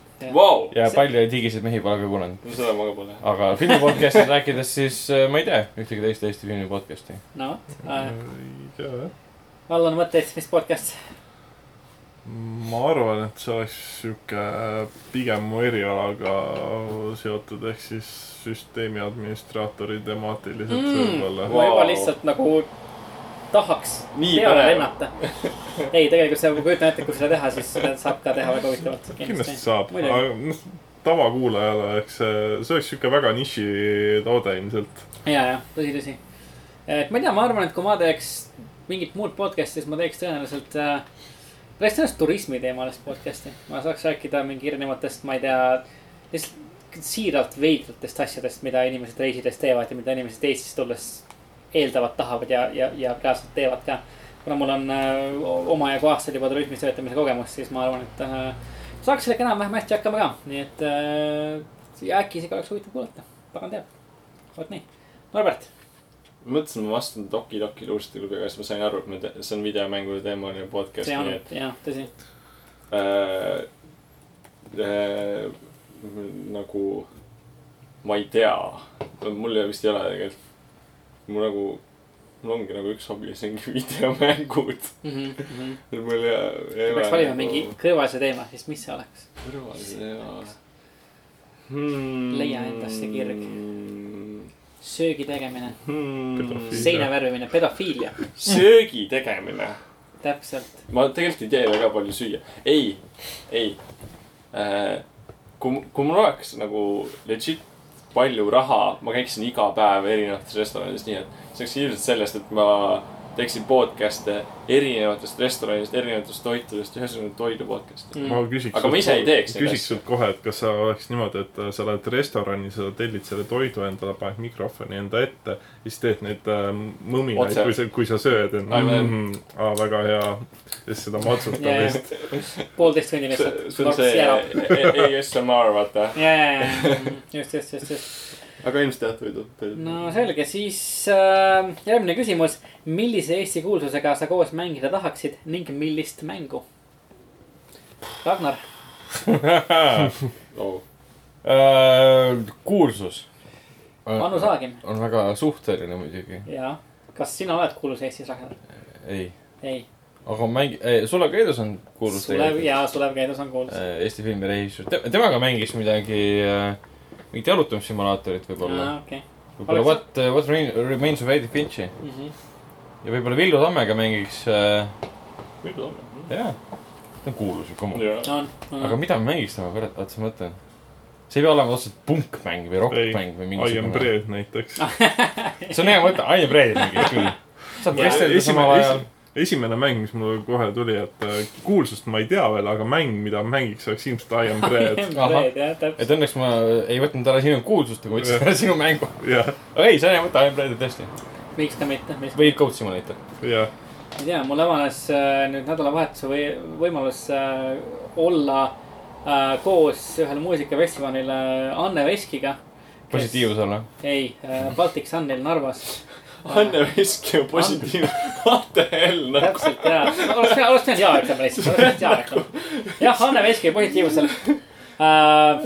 Äh, ei, tegelikult mitte Baltic Suniga, Anne Veskil Narvas äh, ja mängiks, Anne Vesk oli väga, siuke väga chill inimene lihtsalt noh, väga, väga tore. mängiks temaga Mario karti Anne Veskiga hea meelega. kas Mario kardi peal, ma kujutan ette, oleks väga äge lihtsalt. jumala chill, lihtsalt sõidaksime võidu, võib-olla Code Simulatorit näiteks Anne Veskiga mängida, jumala hea, miks ka mitte äh,. väga, väga chill noh, Anne Veski on äh, väga alahinnatud äh, videomängupartner Eesti ühiskonnas näiteks. nii et äh, kõik, kes te otsite endale paarilist, siis mõelge. aga küsi-, küsimus siit, kas sa teeksid kohe Facebooki slogani ka selle kohta motiveeriva selle sildikese, et sooviksin mängida Anne Veskiga videomänge täpselt. soovin mängida Anne Veskiga videomänge või suren või sure. või suren, jah, täpselt uh,. nii et uh, Facebooki grupp jah, ootame, ootame jälgijaid ja järgijaid. vot nii, Norps. Edgar Savisaar, Happy Wheels ja ma mängisin ratastoolis mehega. nojah no,. okei okay,, selge. oo jah, okei okay. uh,. nii, Allan. Hmm. ma arvan, mingi Eesti kuulsus. Ma arvan, et võib-olla. Arnold Oksmaa. ei, Wow. oleks delikaatsem, ma arvan, et võib-olla Dread Attacki Aa. inimestega, ma ei tea, kas Farming Simulatorit. okei. Arnold Oksmaa see on- ja Just Dance oleks et nagu see, see ei parim. vihja sellele, et need inimesed nagu seal Lõuna-Eesti pool elavad lihtsalt. Farming Simulator tundub sihuke piisavalt loll mäng, mida jaa, mängida. tõsi, tõsi, tõsi, tõsi. päris hea, päris hea, okei okay.. Aga sellisel juhul äh, kolmas küsimus, millisel mängul on sinu arvates kõige ägedam soundtrack? oi, Silent, Silent Hill. Silent Hill. kõik Silent Hillid hmm.. mängud ei pruugi kõik väga head olla, aga see, mida Akira ja Yamaoka, jah, võib-olla, kes teab. kokku teha ja pluss eh, Mary Elizabeth McLean suutis kokku laulda, kellel on meeletult hea hääl Mm. mm.. sõltumata mängu kvaliteedist on hämmastav mm. -hmm. mul on kõik need olemas, ma olen kõiki neid kuulanud sada, sada tuhandet kordi mhm. ja see on jah, absoluutne lemmik. no selge. Allan, see on raske valik, kaalukausil on kaks soundtrack'i. Nii. minu jaoks Deus Exi Mm. mm. soundtrack'id ja siis teine, mida ma viimasel ajal väga-väga palju kuulan, on Doom kaks tuhat kuueteistkümne Mhm. soundtrack. Väga see on hea, see on hea, Väga see on hea., see on hea muusika see. on isegi noh, pean tunnistama, ma isegi ostsin füüsilised plaadid nendest. soundtrack idest, jah, väga äge, väga see ei äge. ole üldse imelik tunnistada, sest äh, ei ole, ma ei ole küll ostnud, aga ma olen seda niivõrd palju kuulanud see, mida, ise, mis selle mu-, jälle nimi oli. Äh, kohe vaatame järgi, jõuame kohe sinna. hästi tuus, ta tegi Wolfensteiniga soundtrack'i. Gordon oli see Jah. Mick Gordon. Mick Gordon. Mick. Gordon täpselt. Et see, mis ta sellega saavutas, oli hämmastav. Killer Instincti äh, soundtrack mm. hiljuti tuli ka mulle koos mänguga üllatavalt, et ma ostsin selle Definitive Editioni Mhm. ja seal oli isegi üllatuseks soundtrack kaasas ja ka see on kuld. okei, aga ta ei ole nüüd nii hea, kui on Doomil. ja, ja Doomi oma on ikka väga hea. mul ka tegelikult sa võtsid sõnad suust, sest ma oleks ka ise ka nagu Doom kaks tuhat kuusteist öelnud, ikka, ikka väga hästi sobiv soundtrack sellele mängule. Mis mulle endale veel väga meeldib, on äh, siuke klassikaline vastus sellele küsimusele, kas Skyrim on, on, on väga hea. Jah, äh,, võrratult hea soundtrack'iga. ja mulle endale muidugi äh, noh, võib-olla nagu mänguväliselt kuulata ei meeldi väga, aga mis sobivad mängu väga hästi minu arust on ka Mass Effect'i soundtrack'id. on. Üks tegelikult hästi sihuke võib-olla mitte nii palju kuulsust saanud mäng on Torment Tides of Numenera mm. -hmm, mm -hmm. selle soundtrack on ka üllatavalt hea. ta on sihuke veidi tehnolik, aga samas on siukest nagu orkestri stuff'i ka sinna Just, juurde pandud, et see on sihuke. noh, mäng ise on juba väga hea. ja siis soundtrack on ka sihuke, et ma-, mainib väärimist, ütleme niimoodi. Mhm. Neid valikuid on muidugi palju, et see Journey soundtrack on väga hea näiteks Jaa, küll, jah.. Mulle vanasti Halo soundtrack'id, isegi Destiny soundtrack'id väga meeldivad. see, okei okay,, Destiny ühe puhul meeldis rohkem, sest siis tegi see Michael O'Donnell aitas muusikat Mhm. teha. Mhm, aga lihtsalt Halo muusika üldse, kus Michael O'Donnell seda tegi, oli väga hea. ja, ja, ma olen, ma olen isegi siuke inimene vist, kes nagu ei, ei ole väga mängudes helikuulaja. ma olen, kahjuks olen siukest tüüpi inimene või õnneks. Ma keeran muusika maha ropendama, on ju, heli ei kuula lihtsalt, sõim ma, käib. ma keeran muusika maha üldiselt, kui muusika on nagu, ma ei tea, miks. aga tegelikult, kui ma nüüd hakkan mõtlema nagu. siis nagu minu arust üks kõige klassikalisem, üks kõige nagu geniaalsem soundtrack on Runescape'il. kui sa kuuled seda, sa lihtsalt tead instantly, mis asi see jah on., see on RuneScape, järgmine mäng. klassikaline. no okei Kas okay,, neil on oli-. Classic Editioni soundtrack või teise osa. mõlemad. arvestades, ta ütleb nii palju klassikaline, siis Mm. tõenäoliselt Classic Edition. Äh, ja tegelikult ma tahaks mainida ka World of Warcrafti, sest World of Warcraftis on üldjuhul hullult hästi tehtud see, et erinevates tsoonides, erinevates nii-öelda kergetes kohtades sul muusika vahetub vastavalt nagu äh, su ümbruse või sellele mm. ja minu arust nagu see on absoluutselt geniaalselt tehtud, et see, see on nagu üks mäng, kus ma hoidsin äh, tõesti muusika peal, küll vaikse peal, aga seal on hästi eepilist muusikat, näiteks kus Dungeon sees, et see on sihuke hästi meeleolu tekitav. jah, kui eepilisest muusikast rääkida, siis Witcher kolme muusika on suurepärane. Äh, äh, Dragonis Inquisitioni muusika on väga hea näiteks. tõsi, tõsi. Hästi huvitav on see, et viimasel ajal üldse on hakanud mängude soundtrack'id äh, minu nii-öelda playlist'i rohkem ja rohkem valutama, et Mm. lihtsalt need soundtrack'id on nii heaks läinud, jah et ma ei viitsi seda siukest mainstream pläma enam kuulata. mm. -hmm. nõus, nõus, et ja väga head mussi tehakse mul on eraldi playlist Pandori jaoks. wow!. See on see mäng, millest sa me saime aru. seal, seal on nagu erinevad Jaapani muusikad veel, aga põhimõtteliselt enamus on Pandori. aga head muusikat adresseerib ka Steni neljas küsimus, mis läheb nii, et millise videomängu soundtrack'i sobis kõige paremini Viis Miinust ning millise oma lemmikbändi mussi tahaksid näha millises videomängus üleüldiselt. et kuhu läheks siis Viis Miinust kõige paremini, mis te arvate? Pole aru näinud, kas ma pole kunagi ühtegi sekundit ega minutit kuulanud. mäletad, sa just enne kuulsid algust. ma ei saanud kuulata, te karjusite samal algust kuulsid ikkagi. kuulsin mingi Paar sekundit. käis. Jah, ma ei mäleta loo nime, mis see oli, Siukene mingi kolhoosi vulgaarne räpp, erotika pood. kolhoos. siuke vulgaarne räpp lihtsalt, siukene. Sass Henno, siukene tropp läheb peale, jõu Sass Henno. Sass Henno on äh, väga siukene, väga otsekohese ütlemisega Eesti luuletaja. ei, ei ma tean, ma tean, ma tean, ma lihtsalt mõtlesin, kas ta on surnud või mitte. vist ei, ei ei, ei ole. tuleb välja, et ei ole, oh, ma knew? segamini, ma olen segamini. aga ma ei tea, mul pole aimugi uh,. Postal, Eesti räpp uh,, Postal, jah. jah, Postal, Postal siis, kui sa haiglasse lähed, siis on erootikapood käib. just täpselt. või, või GTA-s mingil, mingil hetkel. iga kord, kui teed Postalis oma lukku lahti, siis hakkab erootikapood käima. jah, Search and Simulator näiteks uh,. I am bread. Ma arvan, et Fortnite'i oleks tunduvalt fun'im mängida kui erootikapoeg. Nad erootikapoeg. reaalselt ropendavad nagu räigelt seal laulus. sa ja paned mikrisse selle ka, et kõik kuuleksid. täristad enda automaadiga selle siis lihtsalt viis pean taustaks. ainult ühte asja viie minuti kohta tunnistama. see erootikapoe beat on hea. ülejäänud laul, räige rämps. no vot, kas see käib, maksa võlg ära. maksa, maksa võlg ära lihtsalt. Aga millise mängu, millise lemmikbändi mussi tahaksid näha äh, üldse videomängudes? mis on lemmikbändid, Ragnar? viimase lemmikbänd on bänd, mis enam ei tegutse, kuna laulja suri ära. on Kanada tuum äh, folk, folk metal Woods of Ypres. kusjuures ma nägin, sa mingi aeg tagasi jagasid seda oma Facebooki Jaa. sõnumisse, ma kuulasin seda, see on päris hea. on, on, sellel tüübil oli selline Paradise Losti Nick Holmesi äh, clean vocals põhimõtteliselt Mm. ja tal oli ideaalne vokaal. mulle tema vanemad asjad ei meeldinud, see vanemad asjad olid siuksed eh, black metali stiilis. mm.. aga see, kui ta läks folgi ja tuumi peale, ehk siis sul on väga palju clean vocalsid, aga noh, kiiret tempot, siis see nagu töötas väga hästi Mm -hmm. ja ta oli nii mõnes mõttes aeglane siukene kurb melanhoolne ja nii edasi mm. -hmm. pärast avastasin, aa tüüp on surnud, see oli autoõnnetuses ja album, viimane album võeti välja, siis pärast tema surma ja kõik on väga kurb. oli vaja. aga mis mäng? Mõnes jalutamissimulaatoris. jalutussimulaatoris. Mario Odyssey. ei ta ei ole nagu, laksid taga lihtsalt täiega. neil on mitmeid lugusid, mis on aeglasemad, mis sinna sobiksid ah,, okay. absoluutselt. jaa, absoluutselt. aga teine bänd, mis oleks, ma arvan, paneksin kino mõne loo. Victor Joy, Nõukogude Liidu suurim rokkusaar. ja. üheksa, üheksakümnendal aastal suri augustis äh, autoõnnetuses. Tema mingi mõne loo. Sul on mingi ting, mingi autoõnnetuses hukkunud bänd. Ma ei tea. oli. praegu see kokku ei, see on lihtsalt aga. liiga tüüpiline.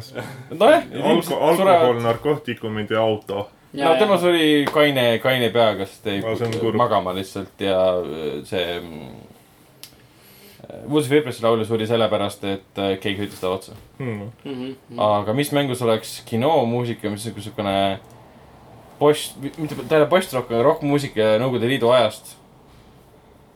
Ma ei tea, no vot, noh, ma ei tea, minu lemmik. mõnes, mitte, mitte action mängus, aga mõnes seiklusmängus võib-olla. jah, sobiks. mõnes, mõnes Deltali stiilis mängus. ja, ja sobiks, sobiks, ma arvan küll. ma ei tea, minu äh, lemmik, üks kodumaiseid lemmikuid on, on Curly Strings, mis mulle väga meeldib. ja oleks ikka huvitav siukene, noh, anakronistlik kuulata siukest Curly Stringsi siukest kauges külas, kus sa tuumis mingit monstreid lased maha, liidad või lihtsalt. Far, Far Cry viite soovib. ja näiteks Far Cry viite, isegi kolme paremini äkki. Kuskil saarel sa lihtsalt. sa mängid Outlast'i ja sa oled seal koridoris siis. Kauges küll. Täpselt. maa nagu konkreetselt oleks täis ennast nagu. täpselt, aga tegelikult Far Cry viies, kui sa võtad muusika maha ja paned oma player'isse samal ajal Jaa. arvutis Jaa. ja kuskil tööle selle Hooglis külas, see oleks päris tore. Jaa, just, see töötaks. Ghost Recon Wildlandsis näiteks, vaid kuskil istud seal kuskil künka otsas, mõtled, issand jumal, kui kena. see on mingi kartell laseb kuulid pähe. Miks ka mitte, noh, selge, tuleb Holidayd. Äh, ma paneks äh, siukest, ma konkreetset bändi ei hakka nimetama, nimetama. Ma paneks mingid siuksed normaalsed metallid, näiteks äh, hästi fast-paced PVP-s mängu nagu, kui sa mängid World of Warcraftis PVP. siis nagu seal on nii palju action'it, siis ei saa midagi aru ja siis sinna sobib nii hästi see metall ja siis, et eriti just kiire tempoga ja siis, et see peksab sul taustal ja siis sa nagu üritad vastast täiega lihtsalt oota, Maha. mis, mis, mis bänd siis? ma, no näiteks võtame Bring Me The Horizon näiteks või Architects või. ma ei tea, Bring Me The Horizon on viimasel ajal muutunud väga ma mõtlen esimest albumit. melloks ja. jaa, ma mõtlesingi esimest albumit., näiteks äh, Blessed With The Curse. jah, samamoodi s- speed metal'i võib panna Soome Children Bottomi näiteks, mis on väga kiire. alg-, algusajast omal. ei, ei kuule okei. ei tea. ma, ma ei ole väga nagu no selge. kogenud. Küll ma, küll ma õpetan sind. ma arvan, et äh, Dragon Force võib-olla oleks, jaa, Dragon Jaa. Force muidugi. muidugi, poisid, kes mängivad kitarri lihtsalt liiga kiiresti. jah. aga ma arvan, Mikk Gordoni asemel näiteks Doom'i oleks äh, Dragon Force päris hästi sobinud, sihuke Mm. jaa. noh, olgem ausad, Doom on sihuke siiamaani üks vaieldamatu lemmikmäng mul. Ta Mm. lihtsalt FPS-ides on kunn. lihtsalt võrratu hea jah. jah, sa mõtled praegu, kas sa mõtled praegu siis äh, kaks tuhat kuusteist tuumi vahe, vahet ei ole. vahet pole, tuum. jah, selles okay. suhtes, et minu jaoks on Doom Doom ja Mm. see kaks tuhat kuusteist variant suutis isegi seda vana Doomi väga hästi üleval hoida. väga hästi ja minu arust ka, võrratult hea mäng. jah, sellisel juhul on edasi Steni viimase küsimuse juurde. milline Eesti film või telesaade oleks ideaalne aines videomänguks? Millisesse žanrisse see kuuluks? siin tekib kohe mõte. No nii. Õnne kolmteist Õnne ja, si nii. ja see Sims viis näiteks. just täpselt jah. telesaade. ma ei tea, mingi äh, kodukeset linna võiks olla mingi Deltali mäng näiteks. mingi intriigid ja värgid ja särgid ja lõpuks keegi tuleb välja mingi kaameraga mõrvar ja pedofiil, ma ei tea. Äh, see kättemaksukontor. nii. võiks, võiks olemata olla, nõus. ei, siukse mõrva mängid mingi selle Freiaga või midagi. siis sa pead ka lahendama neid case'e lihtsalt. kas sa tahad just öelda, et sa oled nagu väike fännboi? ei äh,, mul elukaaslane vaatab ja siis nagu ma poole silmaga nagu noh, mul arvuti samas taskus telekas, siis ma ikka niimoodi tahes-tahtmata kuulen või näen seda kuidagi. kui mis teame kättemaksu, kontoris on tegelane nimega Freya, siis ta võiks olla nagu spin-off seeria God of War'ile Playstation nelja peal äh,. kus on ka tegelane Freya ja kelle poeg selles mängus saab surma ja siis see võiks olla lihtsalt seriaal sellest, mida Freya teeb, et Kratosele kätte maksta. ma vaataks selle isegi, ma vaataks selle, päris hea. ma ei tea, ma arvan, et võiks teha näiteks Nüganeni. tuhat üheksasada nelikümmend neli võiks teha korraliku sõjamängu. Eesti Eesti sõjamängu, mis ongi nagu äh, Eesti-sakslaste. Nimelt Marvel Ahvil siis juba. Eesti poisid, kes võitlesid Saksa pool, Eesti poisid, kes võitlesid e Vene pool, Eesti poisid, kes võitlesid Mm. Eesti poolt. Mhm. see see oleks on väga, väga huvitav. hästi armas, et äh, EA tegelikult veidi puudutas äh, Eestit ka Battlefield ühes. jah, just. ja oli küll, see oli sellest In the name of the Tsari. jah, kus Saaremaa jah. toimusid. just, just et täpselt jah. äh, tegelikkuses võiks jah, siin Baltikumi poole pealt ka nagu mingi sõjamängu teha. Mhm. aga no lihtsalt teise maailmasõja puhul Eesti, Eesti puhul oleks palju traagilisem see, et sul on ühel pool Saksa pool ja natside poolel on eestlased, sul on Vene poolel eestlased ja ühel pool on siis eestlased kuskil sul see, et see, peidus see oleks, vennad võitlevad vendade vastu ja nii täpselt, edasi. see oleks aines nagu tegelikult päris heaks nagu süžeks, et sul on Mm. ikkagi inimesed oma nii-öelda rahva inimesed, kes võitlevad iseenda vastu mm. -hmm. ma kujutan ette, et kuskil läänes, kus sellist teemat äh, ajalugu ei ole otseselt puudutanud, läheks see väga hästi peale no,. Mhm. ajalooliselt on läinud, see, see on läinud läänes peale varem ja ma ei näe põhjust, miks see ei peaks minema nüüd peale. nojah, siis neid juhtumeid on hoopis äh, teisi ka, kus sul äh, oli vist niimoodi, et Lõuna-Koreast äh, teise maailmasõja ajal mingid tüübid sattusid kuidagi Natsi-Saksamaa armeesse, lõpetasid Normandia äh, selles Omaha rannikul siis mm Mhm. -hmm. ja võitlesid seal siis äh, liitlasvägede vastu. olles ise lõunakorealase, kellel pole mitte õrna aimu, mis asi on äh, nagu Natsi-Saksamaa ja kõik see. kuidas ma sinna sattusin, on täiesti absurdne. et samamoodi Eesti, Eesti puhul on see niisugune haige, haige dilemma.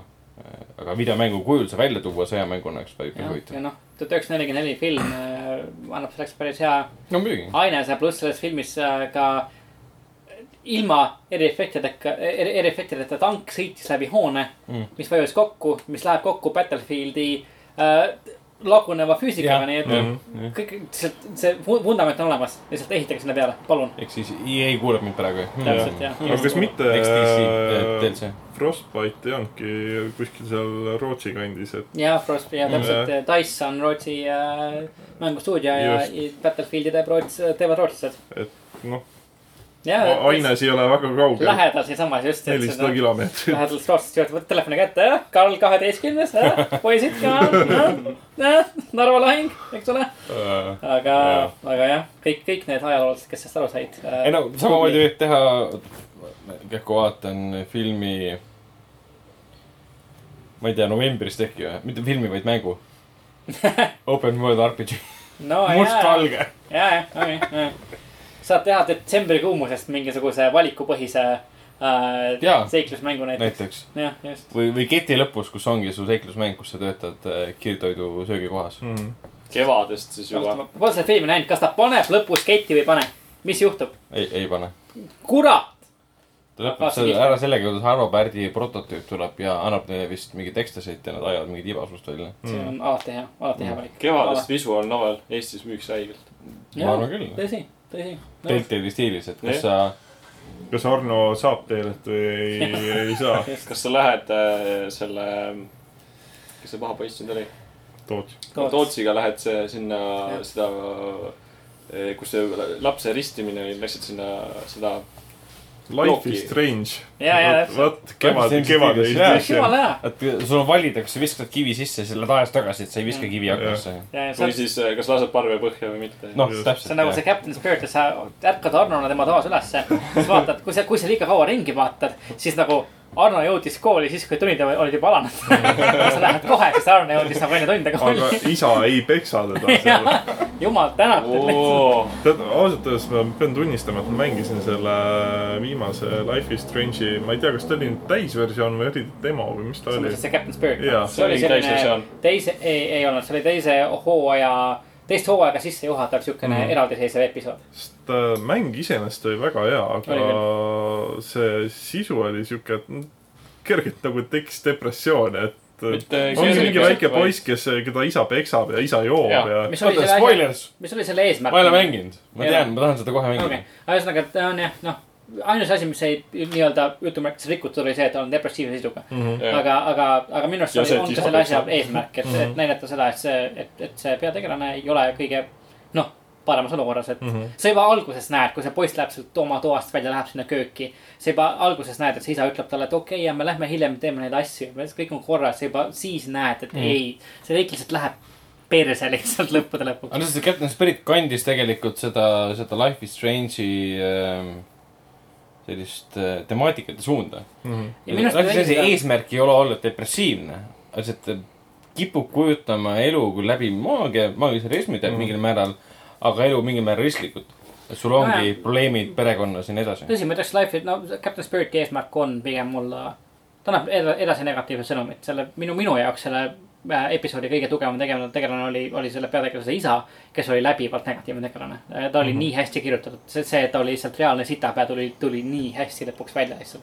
see oli kuidagi nii, noh, see ei olnud otse sulle näkku, aga lihtsalt kuidagi pinna peal, noh, kuidagi pinnapealselt alguses, lõpus lihtsalt otseselt lihtsalt lavi taga üle kuklet ja ma olen kürb, ära kuula mind mm. -hmm. mine minema. et, et mulle meeldis ja pigem minu ootusi äh, teise hooaja suhtes, suhtes äh, tõstis. juba, juba septembris. muidugi hästi sihuke, ei soovita jätta seda mängu kuskil poole peal lihtsalt seisma. ja siis unustada ära, et sul see Mm. mäng käib, siis Mm. lihtsalt mingi väike poiss hakkab sul kuskil nurgas rääkima. tõsi, tõsi ta on jah. kusjuures siin on hea märkus see, et esimene, esimene hooaeg Life is Strange'ist jõudis nüüd hiljuti äh, Androidi peale. jah, Mhm. nüüd, nüüd, nüüd, ta on täitsa olemas ja esimene osa on tasuta, sama, nii nagu Mm. PC peal oli. just, just. Vot nii, aga mulle tundub, et kui meil pole veel lisanduvaid mõtteid, siis selline oli meie episood äh, sada seitsekümmend kaks. suur tänu, et kuulasite, loodan, et meeldib ja tulge kõik järgmine nädal uuesti tagasi, tšau. tšau. tšau. tšau.